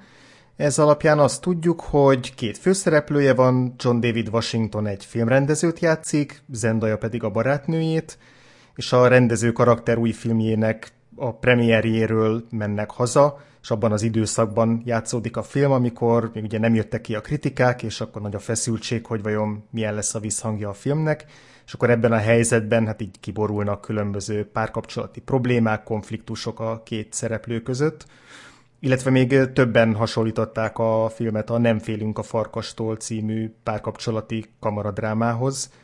Ez így jogos párhuzam? Ez látszik rajta, hogy eltelt 50 év. De, de tehát nem próbáltunk meg olyanok lenni, mint a Nem félünk a farkastól, de láttuk a filmet. De igen, hát a két ember egy házban egy este játszódik, uh, majdnem valós időben, tehát mondjuk egy óra 40 perc a film, és mondjuk két óra történését foglalja össze. Fekete-fehér, ebben is hasonlít a Nem félünk a farkastolra. Miért lett fekete-fehér? Így éreztük, amikor, am, amikor kb. más, tehát hogy amikor elkezdte írni, és tizedik oldalnál tartott a szám, és akkor így elkezdtem dumálni rajta, hogy róla, hogy milyen kéne legyen, és akkor merült föl ez, hogy lehet, hogy fekete-fehér kéne legyen. Vannak döntések, az ember, főleg vizuális döntések, amiket az ember nem tud így logikusan feltétlenül megindokolni, de szerintem érthet, hogyha megnézed a filmet, akkor nem fog benned felmerülni, hogy ú, ez most miért fekete-fehér. Legalábbis remélem. Igen, mondjuk azért ritkán szokott, szerintem a, a most nem tudnék mondani, hogy hirtelen olyan fekete-fehér filmet, ahol, ahol, ahol az így felmerült, hogy így hát színesbe jobb lenne. Igen, hát van, amikor azt érzed, hogy kicsit uh, ma, maníros, hogy fekete-fehér valami szerintem. Uh-huh. Nem tudom. Remélem, hogy ez nem az. Veled kapcsolatban sokszor elhangzik az a, az a jelző, hogy, hogy virtuóz, hogy, hogy ezt, egy, ezt egy pozitív jelzőnek találod? Nem. Igazából egyre jobban zavar, de egy csomó olyan feladatom volt, ami ezt kívánta meg, de szerintem most például, én nem mondanám, hogy a Malcolm and Marie egy virtuóz film, vagy vizuálisan, de mondjuk például a feleségem történetére sem mondanám azt. Uh-huh. És mi, mi az, aminek örülsz? Mi az... De szerintem erre a, a legutóbbi Eufória epizódra sem mondanám azt, hogy mire, minek örülök? Igen. Hogyha, ha, hogyha tetszik az embereknek a film. De hogyha, ami, hogyha, hogyha mégis úgy érzik, hogy a te munkádról is akarnak valamit mondani, akkor mi az a jelző, amit, aminek örülsz? Hát, ezt nem tudom. Hogy megdicsérik, hogy jól van fényképezve valami, ez nyilván az ember örül neki. Mm. És mi az, amit el... És akkor, fel, és akkor ilyenkor szokott az emberből felmerülni az, hogy aki írta, annak vajon milyen az ízlése. Amikor rosszat írnak, akkor ez nem merül fel. Aha. És mi az, amit a legjobban el akarsz kerülni egy, egy, egy beállításnál? Hát attól függ, hogy mi a beállítás.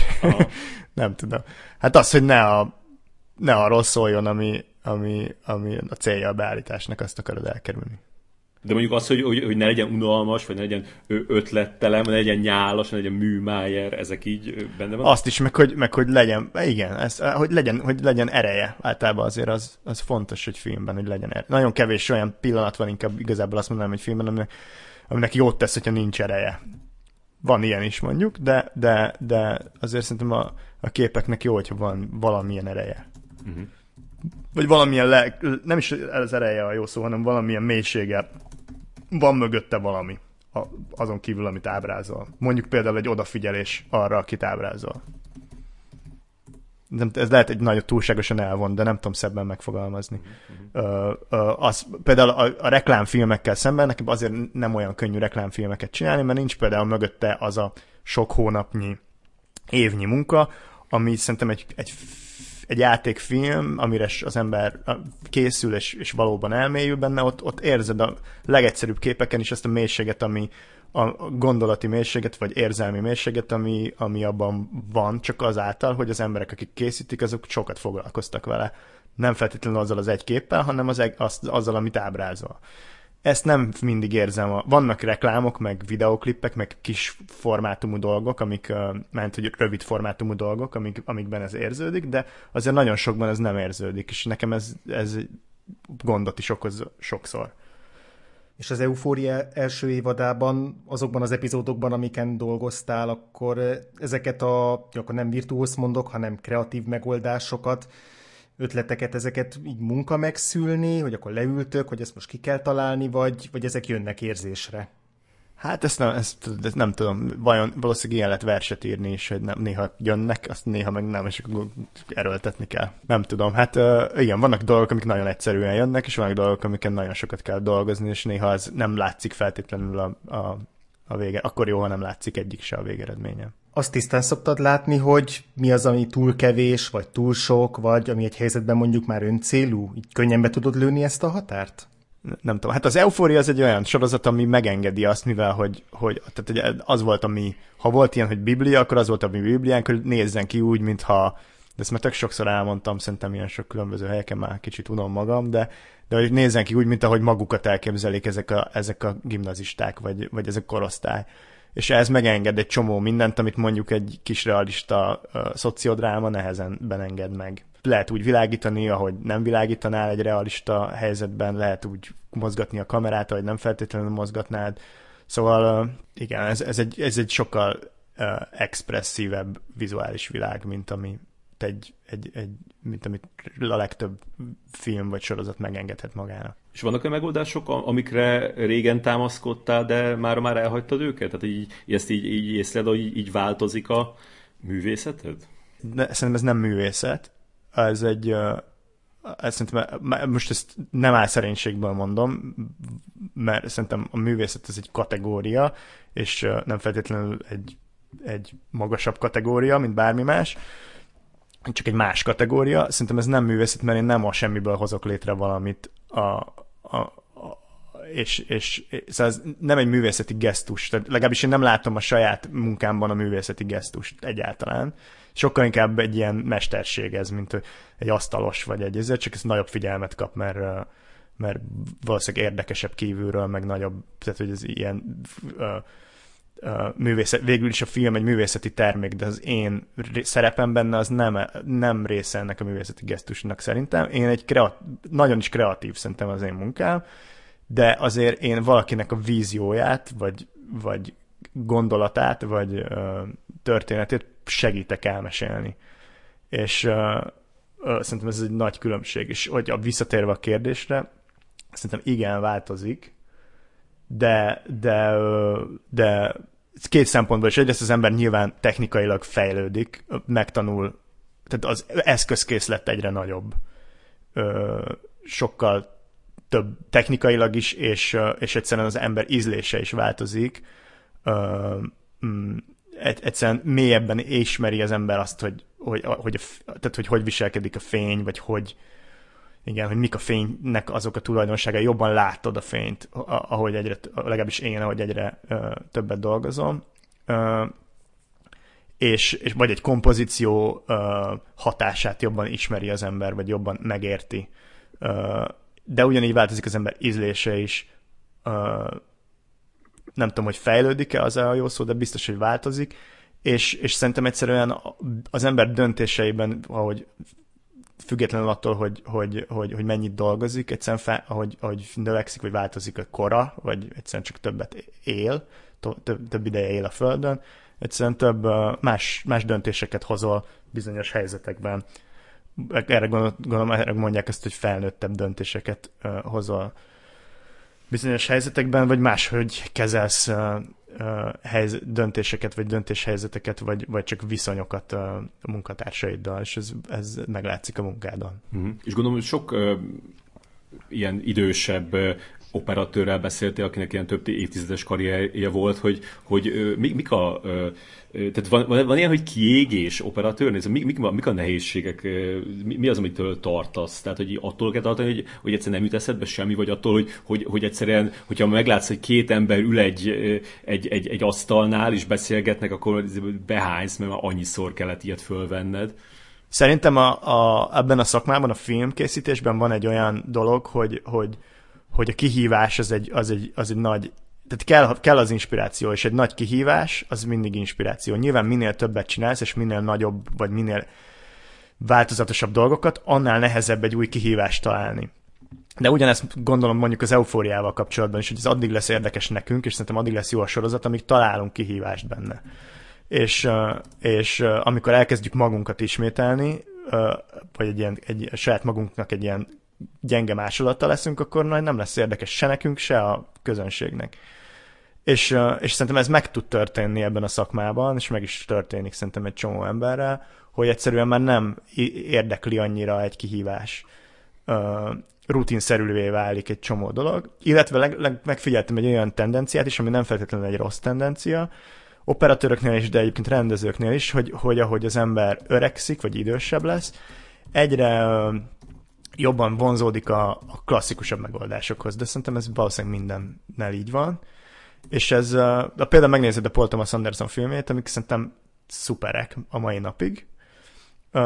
Sokkal klasszikusabb megoldásokat használ, és nem feltétlenül tesz jót neki, vagy nem, tesz, nem feltétlenül tesz rosszat neki. És szóval így megöregedni, vagy így arra felé fejlődni szerintem nem feltétlen baj. Én nem azt mondom, hogy, hogy, hogy, hogy kell, hogy ez feltétlenül meg kell ez történjen, vagy nem azt mondom, hogy nem félek ettől, de, de ez, ez nem feltétlenül egy probléma, de, de, de egy ilyen tendenciát mindenképp látok operatőröknél is, és rendezőknél is. És az eufóriában szerinted hány évadra van még szufla? Van valamilyen mesterterv, hogy körülbelül hány évad legyen még a sorozatból? Amennyire én tudom, nincs rá terv, hogy ez hány évad. Azt tudom, hogy a számnak van ötlete harmadik évadra, de ami biztos, az a második. Hát igazából az a biztos, ami már kész van, és fönn van a streaming szerveren, és minden más az természetesen nem biztos, de a, most az elég valószínű, hogy elkezdjük márciusban forgatni a második évadot. Arról a problémáról beszéltetek, hogy amit már inkább említettünk, hogy azért ezek a színészek nem 17 évesek, hanem van, aki 24, meg 26, tehát ez az öregedés probléma, hogy, hogy kell ez ellen tenni? Hát ez, ez egy probléma, igen, hát nem, nem, nem játszhatnak 30 éves emberek 16 éveseket, ez tény. Én azt is tudom, hogy már így a penge élen táncolunk, ez, ez, erre is van ötlete a szemnek a harmadik évad. Most a második évad az, az lemegy úgy, ahogy terveztük. Uh-huh. És ez, ez kb. mennyi idővel később kezdődik el a, második évad az első végéhez képest? Nem mondhatok semmiet, ja, Feri, tudod. Nem tudtam. Ö, mondjuk azt sem tudom, hogy az első az, az, az, az, az első az mennyi idő alatt játszódott? Tehát az egy, az egy hónap volt? Vagy ez egy fél év, fél azt hiszem, nem? Aha. De most megfogtál, mert nem vagyok benne biztos. Szerintem csináljuk azt, hogy, hogy, hogy a hallgatók írtak egy csomó kérdést neked a, a hozzád a Twitteren, és akkor ezeket sorba felolvassuk, viszont tényleg nagyon gyorsan szaladjunk át rajta, tehát mindenre egy mondatot válaszolj, és akkor András, te is figyelj, olvassuk fel a, a ki kérdezte kérdést, és akkor Marci egy mondat, és akkor már menjen a következő. Akkor kezdem én először. Gábor nevű kedves hallgatónk kérdezi, Melyik magyar közszereplőről csinálnál szívesen filmet? Uh, hogy hívják, aki, hogy hívják azt a, a, az első oligarchát, akit, a, akit a, az Orbán Viktor végül elkergetett? Simicska? Simicska, na róla szerintem, ő, ő, róla szívesen csinálnék uh, uh, film. Szerintem az egy érdekes sztori. Minden, tehát politikai oldaltól függetlenül az egy érdekes sztori, hogy valakinek a... Tehát ez egy nagyon magyar történet, az ő története. Uh-huh. A, egészen onnan, hogy a, hogy a, ők együtt laktak egy szobában az Orbán Viktorral a, mi ez, a kollégiumban, meg a, nem tudom is, hogy lett ő egy ilyen, hm, és aztán hogy bukott el. Szerintem ez egy érdekes sztori, és szerintem rettenetesen vicces is, és tragikus is, és, és igen, szóval tök nagyon magyar egy ilyen. Ebből én nem, nem rendeznék soha, de ebből szerintem egy érdekes, mondjuk egy érdekes sorozatot lehetne csinálni. Uh-huh. Hogyan látod a, a, a pályaívedet? Most egy kicsit megválaszoltad ezt, hogy, hogy nem rendeznél soha, de hogy van terv arra, hogy, hogy tehát egyrészt van terv arra, hogy hamarosan átnyergesz csak az egész estés filmekre, vagy ez már egy, egy, egy, egy hülyeség, és, és nem a, tehát nem így van a, a ranglétre, hogy egész estés film, és alatta van a sorozat? Hát most ez furcsa időszakot élünk szerintem. Egyrészt én az Euforiánt kívül nem csináltam sorozatot soha, és nem is nagyon... Szóval nem így nézem a projekteket, hogy, mi, hogy milyen műfaja, vagy milyen. Hogyha érdekes emberekkel tudok valami jót csinálni, akkor szívesen csinálok három perces valamit is, és három órás játékfilmet is. Nem, nem, nem, nincs ilyen... Szóval, és úgy látom, hogy az eléggé rendeződik el. Tehát most, hogy bejelentették, hogy a Dűne is a, a HBO Maxon fog megjelenni, akkor, tehát, hogy akkor mi a különbség? Igazából, azon kívül ott a terjedelmen kívül. Uh-huh. Bár ennek azért nem örül például a rendező. Ne, Gondolom... hát megértem, hogy nem örül neki. Teljesen megértem. De csak azt mondom, hogy valami azért mégiscsak átalakulóban van, még akkor is, hogyha most egy picit előre szaladt a, a Warner Media ezzel a bejelentéssel, akkor is valami itt érez, érezhetően átalakulóban van, már csak abból nézve is, hogy megnézem, hogy hogy, hogy, hogy kik csinálnak sorozatokat az utóbbi években, milyen nevek csinálnak sorozatokat, és milyen... Most néztem meg például a VR Who VR című sorozatot, és uh, Szóval, hogy, hogy olyan sorozatok azért, ezek, ez egy újdonság, hogy ez létezik, szerintem. Uh-huh. És uh, szerintem, uh, szerintem már nem lehet úgy válogatni, hogy ó, én csak játékfilmet csinálok. Még egy pár éve az, még, még ezt így beszéltük is a szemmel, hogy hát ezt most megcsináljuk, de aztán filmeket fogunk csinálni. De most tényleg nem tudom, hogy, uh, hogy mi lesz. Uh-huh. És szerintem érdemes nyitottnak lenni. És a szemmel így hosszú távra terveztek? Tehát, hogy úgy, mint mondjuk a Spielberg és a, a Kaminski, te az, azt látod, hogy igen, most fogjuk megcsinálni, a, mi akkor mit fogunk megcsinálni hát a, most az életműben? A, a, az első volt nekik a, a, a Schindler listája, akkor, akkor most jön a... Nem tudom, de, de akkor azt fogjuk most megcsinálni. A, az, azt hiszem lehet, hogy az Amisztád volt? Félek, hogy ez az Amisztád volt. Akkor nem azt fogjuk. Aha, de akkor a... De ne, ne, hogy így, így viccet félretéve, ja, remélem, hogy sokat fogunk egy dolg. Én nagyon ö, szeretek vele dolgozni. Meg most az, az a pár rendező, akivel dolgoztam az elmúlt években, az mind nagyon jó élmény volt, és ez, szóval nem, nem vágyom többre ennél mm-hmm. az életben. Ezt még mindig ugyanaz az ember kérdezi, Pintér Tamás, akinek elfelejtettem mondani a nevét. Milyen vizuális világot találtatok ki a feleségem történetéhez? Na hát erről akkor fogunk beszélni, hogyha már moziba lesz a feleségem története. Mm. Mert nem, nem akarok a levegőbe beszélni. Jó. Azt is kérdezi, hogy te láttad már a készfilmet? Láttam, és nem árulom el, hogy mi van benne. Mert Jó. Szeretném, hogyha... De úgy folytatja, hogy milyen lett? egy ilyen, egy ilyen kis általános kérdéssel. Milyen lett? Hát én nagy, figyelj, a filmet ezt a nézőknek csináltuk, tehát ilyen szempontból teljesen mindegy, hogy én mit gondolok róla, tehát ez kevés, ha nekem tetszik, de nagyon büszke vagyok rá. Uh-huh. Tovább is Pintér Tamás nem hagyja abba a kérdezést. Felkért Mundrucó a Pieces of a Woman-re? Nem. Uh-huh. És a, a, a Bradley Cooperes tengeralattjárós, vagy mi tengeralatti projektbe azt, azt, azt te vetted volna fel? Egy darabig benne voltam, aztán nem. Uh-huh. És azt elmondod, hogy abból miért szállták? Mert a Mundrucó itt volt a podcastban, akkor, akkor így nagyon így határozottan mondta, hogy a Rév Marci nem akarta csinálni azt a filmet. Figyelj, ezt meg, én, mi megbeszéltük a Cornélral, hogy ezt nem a sajtóba tárgyaljuk, majd hogyha a Cornél is itt lesz, akkor szívesen beszélek erről, de nélküle nem szeretnénk. Mit tartasz a Shia LaBeouf ügyről, ami most robbant ki a, a, a héten. Ja, azt, azt tegnap olvastam. Hát nem ismerem se őt, se, a, se az FK Twix, bár nagy FK Twix rajongó vagyok, főleg az új lemez, szerintem ez gyönyörű.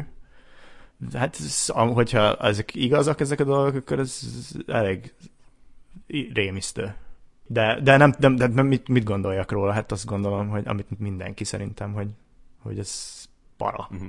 És ha abból a szempontból nézzük, hogy szerinted egy, egy ilyen botrány után be fogja vállalni a Netflix, hogy, hogy, hogy műsorra tűzi ezt a Mudrucó filmet, amiben a Shia LaBeouf az egyik főszereplő? Ja, ezt nem tudom, ezen el se gondolkodtam, fogalmam sincs. Ez nem értek így a politikához ilyen szempontból. Azért az, abban nem csak, az nem csak az ő filmje, hanem ott az sok ember dolgozott ezen a filmen. Nagyon jó gond, szándékkal gondolom. Mhm. Ignác Dénes kérdezi, hogy ki a kedvenc ma élő operatőröd? Ma, hát figyelj, uh, nincs ilyen kedvenc, és a, inkább ilyen rendező operatőr pár tudok mondani, mert szerintem nincs ilyen, hogy operatőr, tehát hogy ez nem egy ezt már mondtam, hogy ez nem egy ilyen művészet, hogy ez az ember a saját, hanem inkább vannak ilyen operatőr párosok, amik nagyon jól működnek szerintem. És, és azokból mondjak ilyeneket, szerintem, hogy, hogy Mondd el akkor a, a második kérdésére, hogy, hogy melyik szerinted a legszebben fényképezett film? Ez, ez így, ilyen sincs egy, mert vannak ilyen korszakok szerintem, amiben vannak meghatározó filmek, amik megváltoztatják, hogy az emberek hogyan, vagy kinyitnak új kapukat, inkább úgy mondom, a, vizuálisan. A, azok vannak, van ilyen az aranypolgár mondjuk, vagy, vagy mondjuk még a, még a, mű, még a néma filmes korszakból a Dreyernek a Jean d'Arc filmje az ilyen szerintem ami így, így megnyit, vagy, a, vagy szerintem, szerintem mondjuk a Kislavskinak bizonyos filmjei ilyenek, mondjuk a Veronika kettős élete, de mondhatnám a, a, a tri, tri, három szín trilógiából mondjuk a kéket, szerintem, vagy a vagy hogyha Amerikába visszamenve, mondjuk a Gordon Willisnek van egy pár ilyen filmje, ami ahogy mondjuk a, az All the Presidents Man, vagy a Keresztapa, vagy a Manhattan, ezek olyan filmek, amik, amik megváltoztatják, megváltoztatták azt, hogy hogyan. De mondjuk a, a Zsigmond Vilmosnak is vannak ilyen filmjei amik megváltoztatták, hogy hogyan tekint az ember arra, hogy hogy, a, a, a, hogy néznek ki a filmek. Bíró Júlia kérdezi, hogyan születik meg egy film látványvilága a tervezéstől kezdve, abban te hogyan veszel részt, miben mennyire van beleszólásod, hol van autonómiád? Ezt nem tudom egy mondatban, minden projekt más, minden rendező más. Én nagyon szeretek minél mélyebben részt venni benne. Színás Adrián kérdezi, hogy melyik karakter áll hozzád a legközelebb az eufóriából? nem tudom. Hát szerintem Fez, hát szerintem Fez. Feszkó, igen, akkor Feszkó. Mert úgy, hogy akire legjobban hasonlítok, vagy akivel legjobban tudok azonosulni? Nézzük a másodikat. Uh, hát uh, akkor, akkor már inkább, uh, hát talán a Fez, igen. De nem tudom, hogy mit le, hogyan kell azonosulni a Feszkóval, de... Hát van neki egy ilyen, van, de azonosulok vele. Van neki egy ilyen, egy ilyen világlátása, ami, ami... Meg ez a védelmező nagybáty, ez, ez végül is, ezt vállalom. Bancsók Laura azt kérdezi, melyik epizód a kedvenced és miért, illetve melyik epizódot volt a legnehezebb megcsinálni? Hát az, a négyes epizód volt a, leg, a kedvencem, de most, most ez az új, nyilván mindig a legutolsó tetszik, vagy leg, legutolsó érdekel a legjobban. Uh, és melyiket? A négyest, azt nehéz, így fizikailag a négyes nehéz volt csinálni, mert ott ezt az egész karnevál részt, ezt hét nap alatt fe, uh, vettük, az hét ilyen éjszaka volt kint Los Angeles külvárosában, Pomona-ban, uh, egy ilyen, ilyen iszonyatos porban, hidegben, szélben nehéz volt, de nagyon szuper is volt, tehát nagyon nagy élmény is volt. Ezt szeretem azt a részt. Azt lehet róla tudni, hogy, hogy, hogy a, a, a stand-up műfaj érdekel, mert hogy benne vagy abban a társaságban, amelyik a... Ezt fel rosszul gondolod, mert nem különösebben érdekel a stand-up műfaj, viszont van két barátom, akiket nagyon érdekel, ezért, ezért ők hoznak stand-up. De nekem ez nem sok közem van ez a stand-up dolghoz. És mondjuk a, a, egy, egy stand-up special forgatása egy operatőri szempontból sem érdekelne?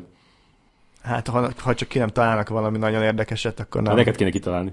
Ja, hát nem, nem nagyon, nekem most így hirtelen nem jut eszembe semmi olyan ötlet, ami alapján érdekelne, de lehet tudok képzelni valakit, aki jön valami jó ötlettel, de nem, ez, nem e felé kacsingatok a Hollywoodból mennyire szólogatnak téged ilyen, ilyen, ilyen szirén hangok? Tehát így, így szoktál járni ilyen, ilyen általános meetingekre, puhatolóznak nálad ilyen, ilyen stúdiós arcok? Ez megy? Most igen, hát az eufória miatt igen, de nem, tehát én most a, a szemmel is, meg most van egy pár ember, akivel az elmúlt években dolgoztam, és azokkal szeretném ezt így folytatni. És nem, nem tudom, tehát hogy nem nagyon van időm, az az igazság. Uh-huh. Tehát uh, látom nagyjából előre, hogy, hogy vagy legalábbis el, kb. úgy el tudom képzelni előre a következő két évet, anélkül, hogy bármi, bárki újjal kellene. De kapok mindenféle forgatókönyveket, igen. És, és van olyan álommelő, álommelő számodra azon kívül, hogy, hogy ilyen emberekkel akarsz dolgozni, akik, akik jó fejek és olyan projekteken, amiket értékesnek találsz? Tehát, hogy van mondjuk olyan műfaj, amit mindenképpen ki szeretnél próbálni? Én nagyon szeretem a science fiction-öket, és tök jó lenne egyszer egy ilyen valami jó skifit csinálni. Az érdekel. Meg, meg minden, szerintem majdnem minden operatőrben van egy ilyen, hogy egy, egy ilyen nagy stúdiófilmet, egy jót természetesen, szívesen megcsinálnék egyszer, de szóval nem minden áron.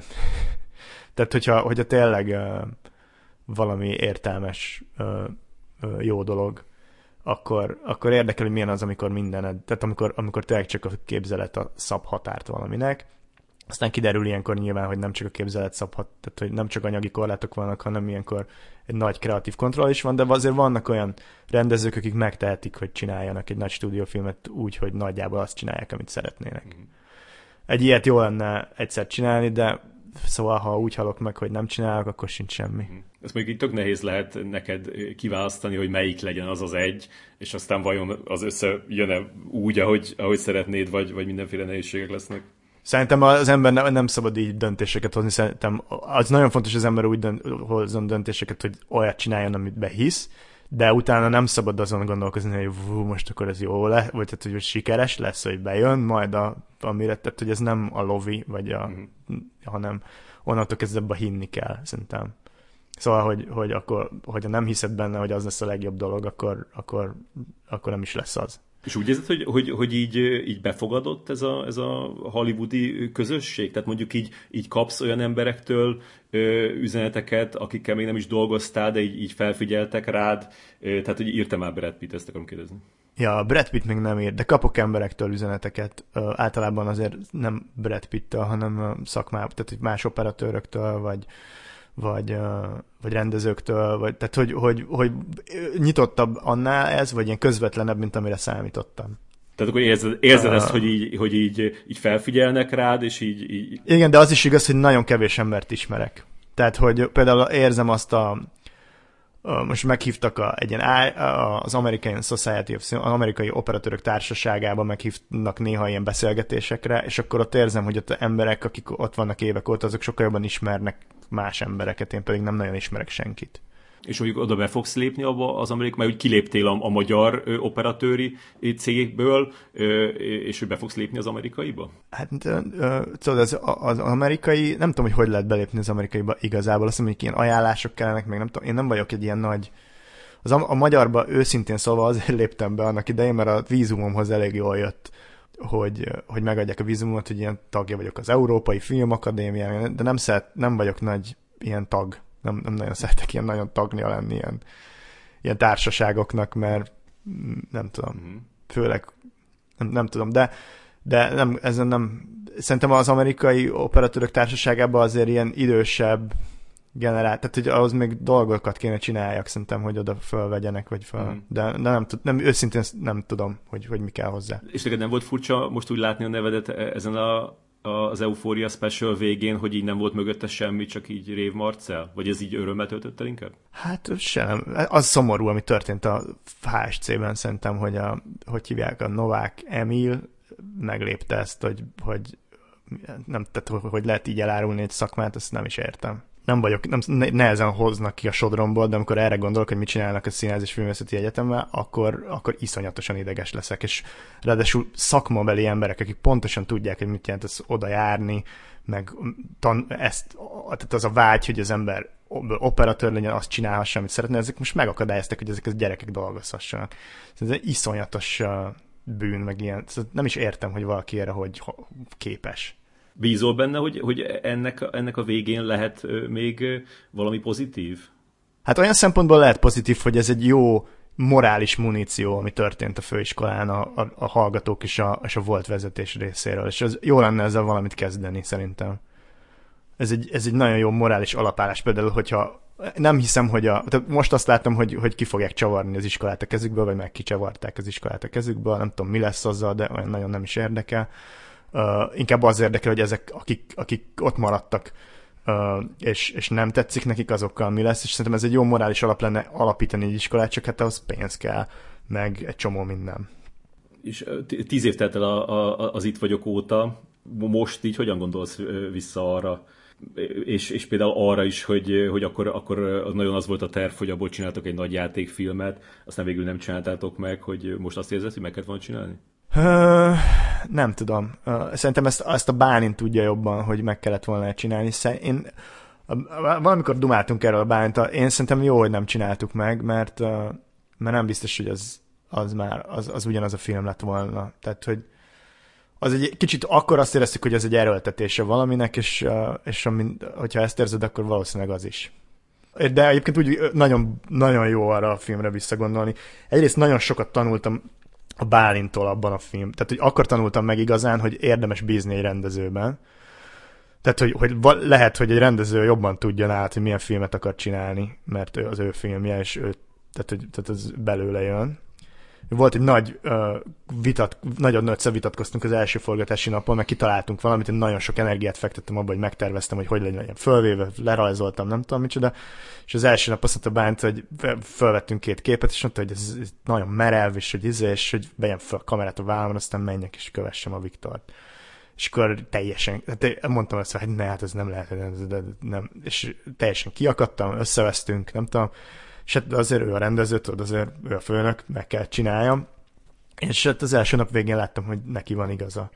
És akkor onnantól kezdve, és az, hogy utána sikeres lett a film, és hogy láttam, hogy, hogy, hogy az Bálint megérzései miatt sikeres, most nem feltétlenül csak emiatt, hanem a sok ilyen megérzés miatt sikeres a film, akkor kezdtem el igazán bízni abban, hogy, hogy egy, egy rendező, tehát hogy egy jó rendezőben, meg egy értelmes emberben érte, érdemes bízni. És ebből azóta szerintem sokat profitáltam. És az, hogy a, a, a, a Bálintal utána megcsináltatok a, a Balaton metodot, de igazából tíz év telt el úgy, hogy nem csináltatok még egy, egy fikciós filmet, ez mondjuk így, akkor így elképzelhetetlennek tűnt volna neked? Igen, akkor elképzelhetetlennek tűnt, igen. De hát igen, nagyon abba voltunk, hogy, hogy csinálunk egy filmet. Az van, hogy a Bálint sokáig írta a forgatókönyvet, meg most visszautasították a, a, a, a könyvét tavaly vagy nem évelején, idén azt hiszem, nem tudom már mikor volt, de nem rég. Ez, a, ez az új, most nem tudom épp hogy hívják ezt, ezt a szervezetet, ami pénzt azt. Filmintézet? Uh, filmintézet, igen. Uh, ők visszautasították a, a, a Bányt legutóbbi tervét. És most a Bány, és azt hiszem, hogy a Bány most, most tudom, hogy a Bány dolgozik valami máson, meg azt is még nem dobtuk ki, de tök szívesen csinálnék vele egy filmet, és lehet, hogy ez hamarosan összejön. Azt, hogy te tíz év alatt eljutottál idáig, azt minek tudod be? Hogy inkább szerencsés vagy, vagy inkább céltudatos? Hát céltudatos, az nem, inkább ilyen, ilyen, ilyen rövid távú célok vannak előttem mindig, de azok általában arra vonatkoznak, hogy ilyen filmekre. Tehát nem arra, hogy velem mi lesz, hanem hogy filmekkel mi lesz. Viszonylag szorgalmas vagyok, azt hiszem. Tehát, hogy, hogy hogyha valamit csinálok, akkor azt tényleg csinálom. De szerencsém is volt tök sok. És az, hogy, az, hogy mondtad ezt, hogy, hogy először úgy indult el ennek, neki, hogy, hogy hát majd a, a, a híradóba majd rohangálsz, nem tudom felvenni, hogy... Igen, ezt mondom, hogy ezért, tehát így nem vagyok céltudatos, tehát hogy, hogy tényleg ez volt a, eredetileg erre gondoltam. De mondjuk... A többi az így közbe jött. És az, az, hogy, az hogy, hogy ehhez képest ilyen iszonyatosan jó kört futottál már mostanáig be, ez azt is eredményezi, hogy, hogy emiatt így, így mindennek így nagyon örülsz, és ilyen nagyon boldog vagy, vagy, vagy, vagy az, a, a, az elvárásaid, meg a, a vágyaid, így adoptálódtak ehhez? Hát a lehetőségeknek mindig nagyon örülök. Általában, amit tehát a, a, a termékek, amiket csinálok, ele, nagyon, általában elég kritikus vagyok, tehát nem szoktam, nem, nagyon nehéz nekem visszanézni filmeket, amiket régebben csináltam, mert az Euphoria első évadát is nagyon nehéz nekem visszanézni, hogy csak a hibákat látom, uh, meg hogy mit, kell, mit csinálnék most máshogy, de, de az, a, annak, hogy az eredményeknek nagyon örülök olyan szempontból, hogy most hogy, hogy olyan lehetőségekhez jutok, amiket sosem gondoltam volna, annak nagyon, tényleg attól nagyon lelkes tudok lenni illetve az is van, hogy, hogy, hogy azért megtanultam örülni annak, hogyha valamivel kész vagyok. Tehát hogy ez egy nagyon magyar, van ez a magyar szenvedős állapot, hogy, hogy csinálsz valamit, és akkor egyből már utálni is kell, ami kicsit bennem van, de úgy Amerikában ezt egy picit megtanultam, hogy az ember megtanulja a pillanatoknak örülni. És ez jó érzés. És amúgy azokat az eufória részeket, amiket nem te fényképeztél, azokat tudtad élvezni? Vagy így arra gondoltál közben, hogy te mit csináltál volna máshogy? Fú, ez egy nagyon érdekes, uh, uh, az, az, az volt talán a legnehezebb, mert, mert vagy, tehát hogyha ha valami nem tetszett, akkor, akkor átkozottam, ha meg valami tetszett, akkor meg, akkor meg uh, féltékeny voltam rá. Tehát, hogy ez egy nagyon rossz uh, helyzet volt, de, de azt mondom, hogy azért hogy tudom hogy nagyjából objektíven látni őket, de, de ami, tényleg, amit nem úgy gondoltam, az, akkor, akkor nagyon mérges voltam, és amikor meg, amikor meg tetszett valami, akkor meg tényleg kifejezetten, kifejezetten azt gondolom, hogy áh, ezt, ezt, nem is gondoltam. Tehát akkor ezt nem ajánlod más operatőrnek, hogy így a, egy évad felé csinálja csak ő? Hát igen, ez azért sokszor van meg biztos meg lehet tanulni, de ha arra gondolok, hogy most a következő évadban például én remélem, hogy nem az összeset csináljuk, mert akkor az azt jelenti, hogy több időnk van felkészülni bizonyos dolgokra, meg elmélyülni bizonyos dolgokban. Igen, hogy azt jelenti, hogy nem te vegy, vegyed fel az összes részt? Bizonyos szempontból igen, hát ezen még morfondírozunk most is, de hát nem tudom, most úgy van, hogy mit csináljuk az összeset, de azt mondta a szem, hogyha rendez, azt szeretné, hogy én legyek az operatőr, én csak azt csinálom, amit ő rendez. Nem, nem akarok más rendezőkkel csinálni eufóriát. Tehát akkor ez, ez, egy, ez egy egyértelmű sikerként van elkönyvelve ott az HBO-nál, és, és, és, és srácok, mit szeretnétek legközelebb csinálni? Ez a hangulat? Hát azért nem ennyire egyszerű, de figyelj, sok pénzt csinál szerintem ez a sorozat az HBO-nak. Mert sok elő, új előfizetője van emiatt a sorozat miatt.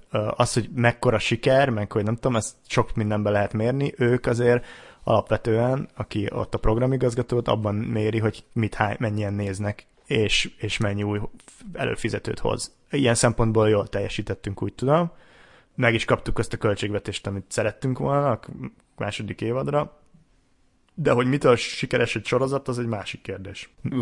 Volt a, a, a Fehér Isten DVD-n egy ilyen kivágott jelenet, amit én a, a, a, a ilyen proto-eufóriának tartok. Tudod, miről beszélek? Van egy, van egy olyan ilyen buli jelenet. Gondolom, hogy melyikre gondolsz, csak nem emlékszem már, hogy a filmben mennyi van belőle. Én tudom, hogy mit vettünk fel, meg hogy hogy. Ezt tudom, hogy akkor így behoztuk ezeket a robotlámpakat, és ezt még a keleti blogba vettük fel, és akkor pörgettük a lámpát a, a tetőn, meg a nem tudom, az, az, az, az jó pofa volt. Igen, ilyen stroboszkópszerű. De, de hát azért az messze, szerintem az messze van az eufóriától, de az, hogy az mindig is érdekelt, hogy hogy lehet mondjuk egy ilyen bulit nem úgy felvenni, hogy ahogy általában a filmek, tehát hogy, hogy nem ciki. Aha. Igen, szerintem tudod, tudod, ki tud nagyon jó bulikat fölvenni? Az Olivier Assayas, de egyszer kérdeztem is tőle, hogy hogy, hogy, hogy, hogy csinálja, és ő azt mondta, hogy, hogy, hogy olyankor ő tényleg ott, ott, ott, ott csinál Buli egy bulit, a, a, a, amiben belekapcsolódhatnak nyugodtan a izék is, a, a, a crew, a crew tagjai, de hogy, de, hogy, de hogy az, hogy úgy fölépíteni nulláról egy, egy csöndben, egy, mert úgy nem lehet nagyon így zenét játszani, az, az, egy, az egy nehéz. Hogy az aztán hiteles legyen. Igen, hát vagy van ez, vagy pedig nagyon kitalálod, nem tudom. Uh-huh. De úgy valahogy a kettő között nem nagyon van semmi. És ha választani kell, mondjuk leteszik eléd az asztalra, akkor mi a nagyobb kihívás számodra operatőrként?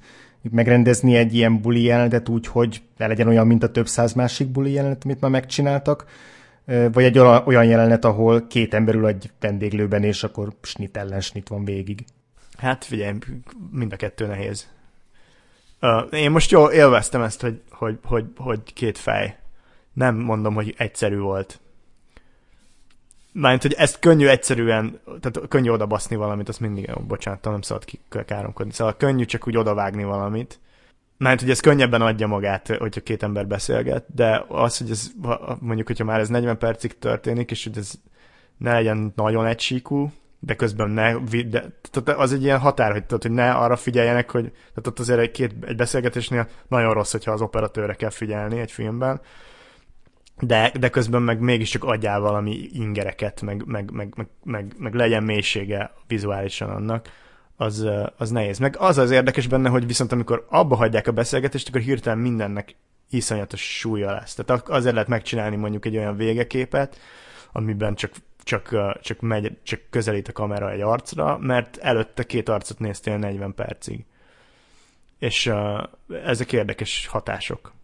És mondjuk az, hogy, hogy ilyenkor mikor, mikor rakod ki a kamerát az ablakon kívülre, vagy mikor rakod be a kamerát a, a, a beszélgetés közepére, az, az, az, az mi alapján döntöd el?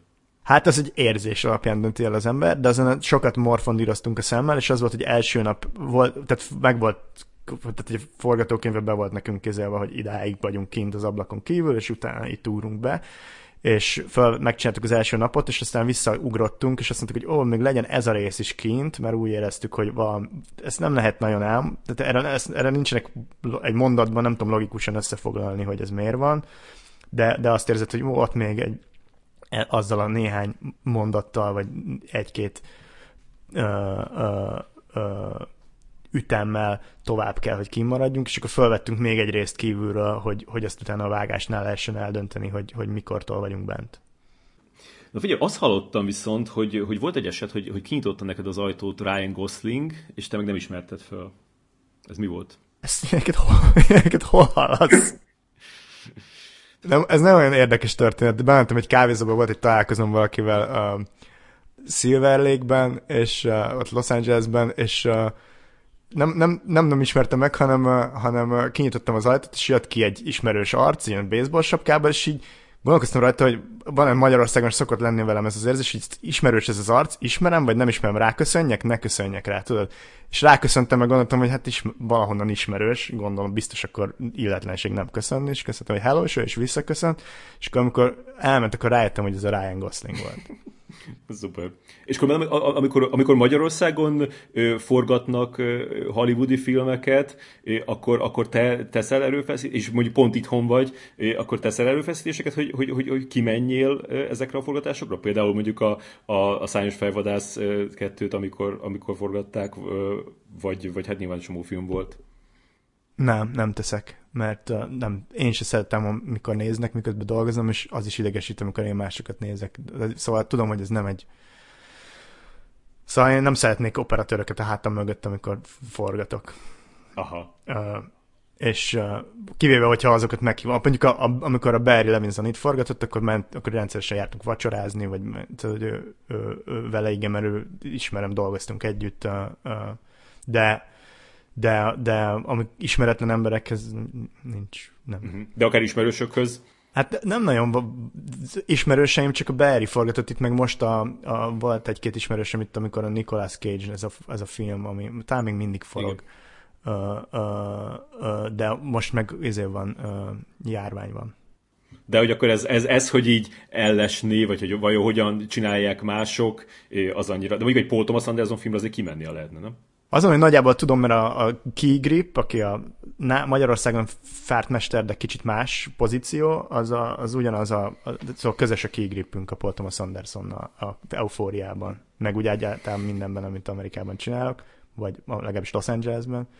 És uh, nagyon sokat tudok a, arról, hogy hogy forgatta Paul Thomas Anderson. Aha.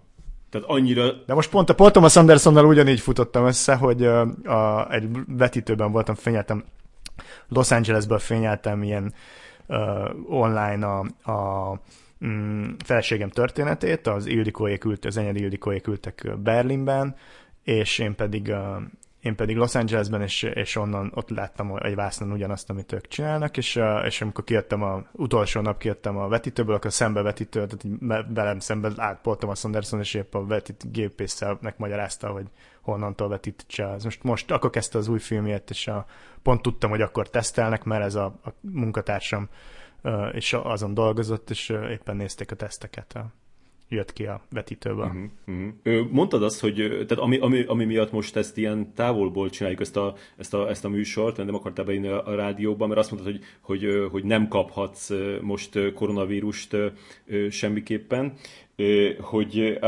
ezt elmesélted, hogy mi az, ami miatt most mész vissza Amerikába? Nem Amerikába megyek, Kievbe megyek 16-án Dua Lipa videoklipet csinálni. Wow. És az... az Remélem jó lesz. A, az, az, az, az, egy, ilyen meló hogy jött? Tehát a, ki, Megkeresnek. De ki látta? Tehát, hogy a, a Dua Lipa maga látta te munkát? Nem, nem, nem, ez egy rendezőpáros. Nem tudom, hogy láttad, de azt a videó, egy izraeli rendezőpáros, ez egyébként az Iconoclastnál vannak, ami egy francia-amerikai cég, a, láttad azt a Tovilu videoklip volt, azt hiszem, amikor uh, egy Csajci telefonon beszél a barátnőjével, föláll egy asztaltól, elmegy, és így a világ, bejárja a világot, Igen. és aztán vissza. Igen, láttam. A, azt rendezték tavaly például. Aha. És akkor ők, ők, látta, az... ők látták az eufóriát mondjuk, és azért? Azt hiszem igen, igen. És uh, most találkozom velük Kievben. És Kievbe fogtok forgatni? Nagyon sok reklám és videoklip forog Kievben, amerikai. Úgy, ahogy mondjuk mi vagyunk a játékfilmes, stúdiófilmes, közép-európai kis Hollywood, úgy Kiev a, a reklámos, videoklippes. Uh-huh de nagyon sok nagy ilyen Adidas reklámok, meg Nike reklámok, meg nem tudom, mik forognak Kievben. De azért, mert ott a, a, a külső helyszínek a jók, vagy ott is vannak stúdiók? Ott is vannak stúdiók is, meg jó, állítólag jó. Én nem sokat, én, sőt, soha nem forgattam Kievben, és de, de sok állítólag nagyon jók a csap, tehát jó csapat van, jó szakemberek, meg olcsó. Ez azért egy nagy Magyarországon is nagyon vonzó, hogy nagyon szép Budapest, és nagyon jók a, a a munkatársak, meg a szakemberek, de az, az is nagyon vonzó, hogy nagyon olcsó itt forgatni. Uh-huh. Most már egyébként nem annyira, mint, mint néhány évvel ezelőtt. És te különben azt szereted, mert hogy, mert hogy azért a, a, a, ahogy én láttam, a, a, az Euphoria és azért nagy rész stúdióba ö, forgattátok. Amely, amit csak lehet, ezt, ezt műterembe csinálunk az Eufóriában. Uh-huh. Én nagyon szeretek műteremben forgatni. Uh-huh. És miért? Hát egyszerű, mert ott csak a képzelet szab határt annak, hogy mit szeretnél, nem az, hogy éppen hol van a nap, meg hogy mik a, milyen az időjárás. Aha. Meg mennyi, mennyi hely van az ablak előtt, hogy lámpát rakass oda. Hanem, hanem tényleg, amit kitalálsz, meg hogy ott, ott, tehát, hogy ott tényleg csak az. Nagyon inspiráló tud lenni egy, egy eredeti helyszín, mert mert, mert vannak benne olyan dolgok, amikre nem is gondolsz nyilván. De hogyha van egy elég komoly, tehát van egy konkrét elképzelésed arról, hogy mit szeretnél, akkor azért, meg bizonyos fajta filmek ez egyszerűen jobb műterem. Mm. Meg, egyszer, meg az egy jó kombináció, hogyha valamit találsz a valóságban, és ezt rekonstruálod a műteremben. Mert akkor tényleg minden pontja olyan, amilyet szeretnél. Tehát akkor te szereted a, a, a, a spontaneitást, hogyha, hogyha ott jön az ötlet, és akkor úgy csinálod, viszont azt mondjuk nem, abban nem találsz örömöt, hogy mondjuk várjál egy, egy szép felhőformációt fél napon keresztül, mint egy, egy Terence Malick. Hát de van ilyen, hogy, hogy egy, egy snitre az jó, de hogyha le kell forgass egy jelenetet egy felhőformációban, az nehéz. Oh. Még a műteremben olyan a felhőformáció, amilyet én szeretnék. Egész nap ráadásul ha, ha, hogyha bejönne egy, egy olyan magyar film, ami, ami érdekelne, akkor, akkor az, azért, azért így megmozgatná minden követ, hogy, hogy hazajöjjön megcsinálni? Hogy állsz, hogy állsz ez a, a, a magyar film kontra amerikai film dolghoz? Nincs, nincs különbség számomra. Az azért, hogy jó, akkor minden követ megmozgatok, hogy csinálhass. Sőt, akkor azt csinálom, mert nincs kérdés. Hogy, tehát, hogyha azon, hogyha, hogyha valamit elvállaltam már, akkor azt nem szép dolog lemondani, és nem is nagyon csináltam még ilyet és, és viszont ha, ha viszont ha, ha lenne egy magyar film, ami, mint ahogy volt is az Ildikó filmje, azért minden követ megmozgattam, hogy meg tudjam csinálni. Nem volt nagyon, nem esett nehezemre, mert egy nagy vágyam vált valóra. De a mostani döntések alapján nem láttam, hogy ez olyan nagyon hamar bekövetkezne, úgyhogy nem fenyeget ez a probléma. A, a filmes támogatások döntései alapján ö, ö, nem mostanában lesz ez. Aha. Hát remélem, hogy a Bálint filmjét valamikor meg tudjuk csinálni, azért uh-huh.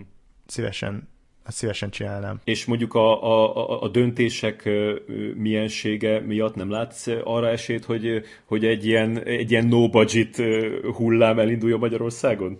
Hát mert sajnos már elindult, vagy hát sajnos vagy szerencsére, mert hogy elindult, hogy, hogy, hogy nagyon tehetséges magyar filmrendezők kénytelenek a semmiből filmeket csinálni.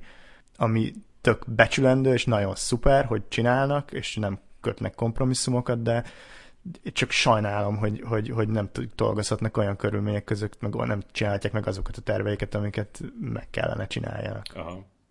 Igen, de mondjuk azért én meg azt hiszem, hogy, hogy néha ö, meg ebből is ö, jobb, kivetnek jó dolgok, sőt jobb dolgok, mert most arra gondolok, hogy a, hogy a, a párfi, amikor ö, a, a filmalapos keretek között megcsinálta az úr hangját, ö, és az milyen lett, és most pedig csinál egy, egy ilyen egyhelyszínes ö, akciófilmet egy, egy, egy, egy balatoni hotelben, annak én már most megszavazom, hogy az, az, az érdekesebb lesz, mint a, az úr hangja. Jó, de én nem láttam az úr hangját, de ezek szerint neked nem tetszett, de, de az, az, az nem biztos, hogy azért lett rossz, mert vagy nem, nem, azért nem tetszik neked, mert volt rá pénz. Tehát, hogy ez nem biztos, hogy így van egyenes összefüggésben.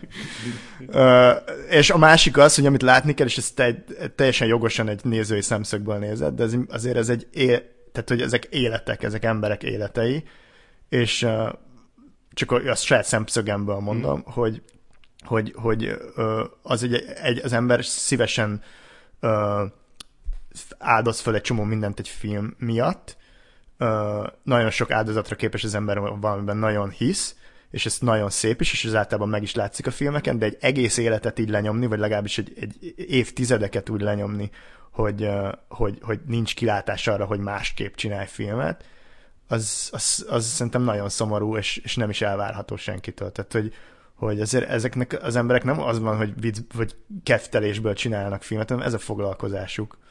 És, és, és, és, nagyon, és nagyon tehetségesek, bizonyos emberek nagyon tehetségesek ebben, és nem kapják meg azokat a lehetőségeket, amiket szerintem meg kéne, hogy kapjanak. Én nem hiszem, hogy, a pár, hogy mondjuk a, a pár, vagy mondjuk a Hajdu Szabi, az csak kevés pénzből tud jó filmet csinálni, sőt, bebizonyította már többször, hogy rendes, nagy, nagy kiállású, nagy filmek is, sőt, ez nekem a kedvenc filmemtől az a Fehér Tenyér, mert mondjuk most valamelyik egy-két hete megnéztem a macerás ügyeket, és az is csodálatos, nem is emlékeztem, hogy ennyire jó. főleg az első fele az olyan volt, hogy így csak így, tehát, tehát így nem is emlékeztem, hogy így meglepődtem. Tehát bebizonyította, hogy ő tud filmet csinálni semmi pénzből is, és sok pénzből is, és, és szerintem megérdemelné, hogy csinálhasson megint rendes budgetből. Mm. Nem tudom, szomorú a helyzet. Igen a kultúra finanszírozás terén. Igen. Tehát akkor, akkor te se, a, se a, a, az SFE, se a, a, a filmes finanszírozásba nem, nem, nem vagy optimista a jövővel kapcsolatban?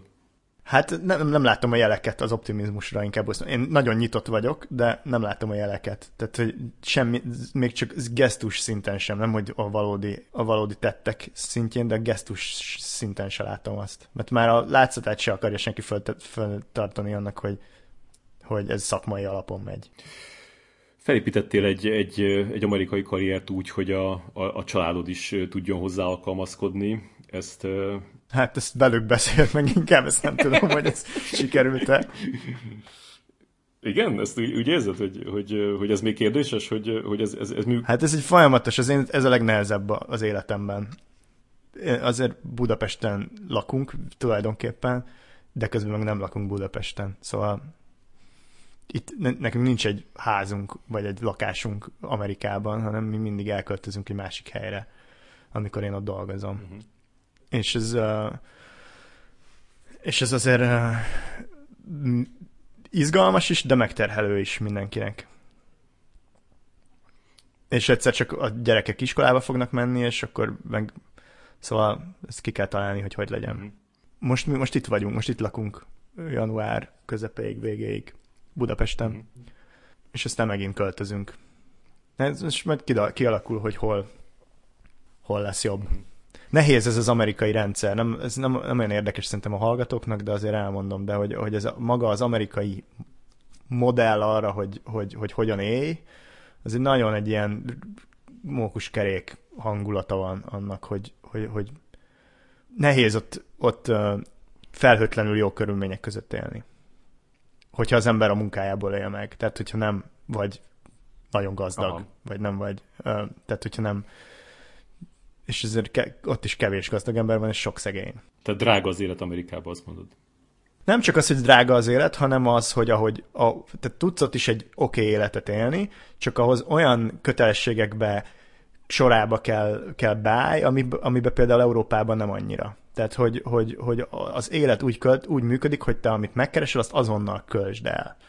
Uh-huh. Tehát, és hogyha valami beakad a, ebbe a gépezetbe, akkor szerintem egy nagyon kiszolgáltatott helyzetbe kerülsz.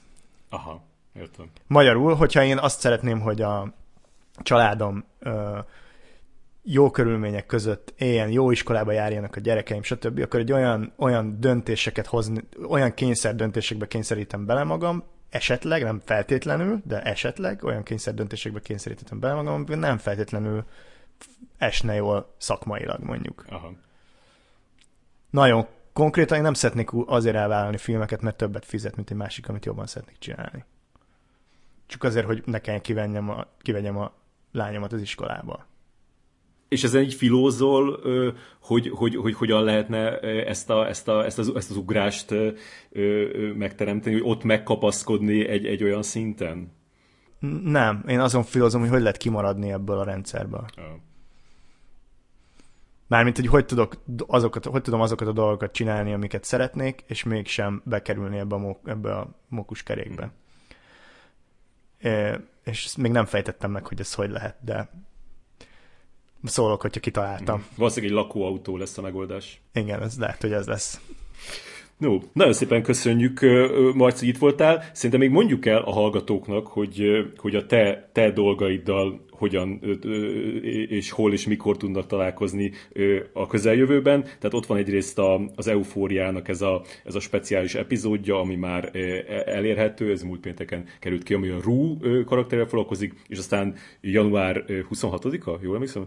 20, én 24-et tudok, de lehet, hogy ott is megjátszák ezt, hogy egy picit az HBO Max ki fogja rakni egy-két nappal előtt. Aha. Na, hát akkor ott jön, ott jön a, a, a második ilyen speciális epizód, ami meg a, a Jules figurájával fog foglalkozni, aztán február 5-én jön a többször emlegetett Malcolm and Mary című film a Netflixre, és aztán, hogyha a járvány csendesedik, akkor gondolom Kámban a feleségem története, de ahhoz be kell válogassák a fesztiválra. Igen. De optimális esetben ö, ö, Kán, nem? Tehát, hogy az a, az a cél. Ezt, ezt se tudom, hogy mi a cél, őszintén szólva. Uh-huh.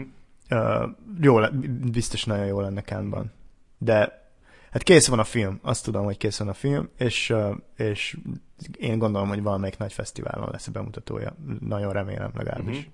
És akkor hamarosan jön a Kievben forgatott Dua Lipa klipped, amit szintén várnak az emberek. Az, ezek mind akkor vannak, hogyha ezek kész vannak. tehát, hogy az Dua Lipa, tehát, hogy addig annyi minden történt. Ne ígyunk, ne ígyunk előre Dua Lipa bőrére. Hát most, ezen a héten, most épp Amerikában lennék forgatni egy videoklipet, ha nem mondták volna le Aha. egy, két órával azért, hogy fel kellett volna szállják a repülőre. és ez kivel lett volna? Nem mondom el, mert ne, úgyse hiszed el. de, de, de Billy eilish Igen, egyébként. És mi lesz az, amit, amit, amit februárban kezdesz el, vagy januárban, amit mondtad, hogy ami, amire mentek ki? Az már a... Az eufóriát készítjük el. Eufória második évad. Igen. Uh-huh. És március közepén kezdünk forgatni, ha minden jól megy. És mi lesz a következő film, amit forgatsz? Hát, az majd meglátjuk. Az attól függ, hogy mikor végzünk az eufóriával. Csak van... megmondtad, hogy két évre Há... előre látod, és akkor azt gondoltam, hogy abban benne van egy film. Igen, mert van egy csomó terv, és akkor tudod azok, ahogy beesnek az idő. Ezek, tehát, hogy a, a, be kell, hogy valami lesz. Három dolog közül az egyik. De azt még azért nem mondanád. A három dolgot nem, mert abból egyet fogok megcsinálni. Aha. Jó, és hát azért reménykedjünk, hogy ez a biliális dolog is visszatér még, nem? Vagy azt úgy mondták le, hogy inkább, inkább hagyjuk, ne csináljuk. Nem tudom, hogy ez visszatér. Ne csinál... Nem Ajj, tudom. Jaj, jaj feladta az egészet, nem, nem akar énekelni többet. Igen. Nem akar klippeket.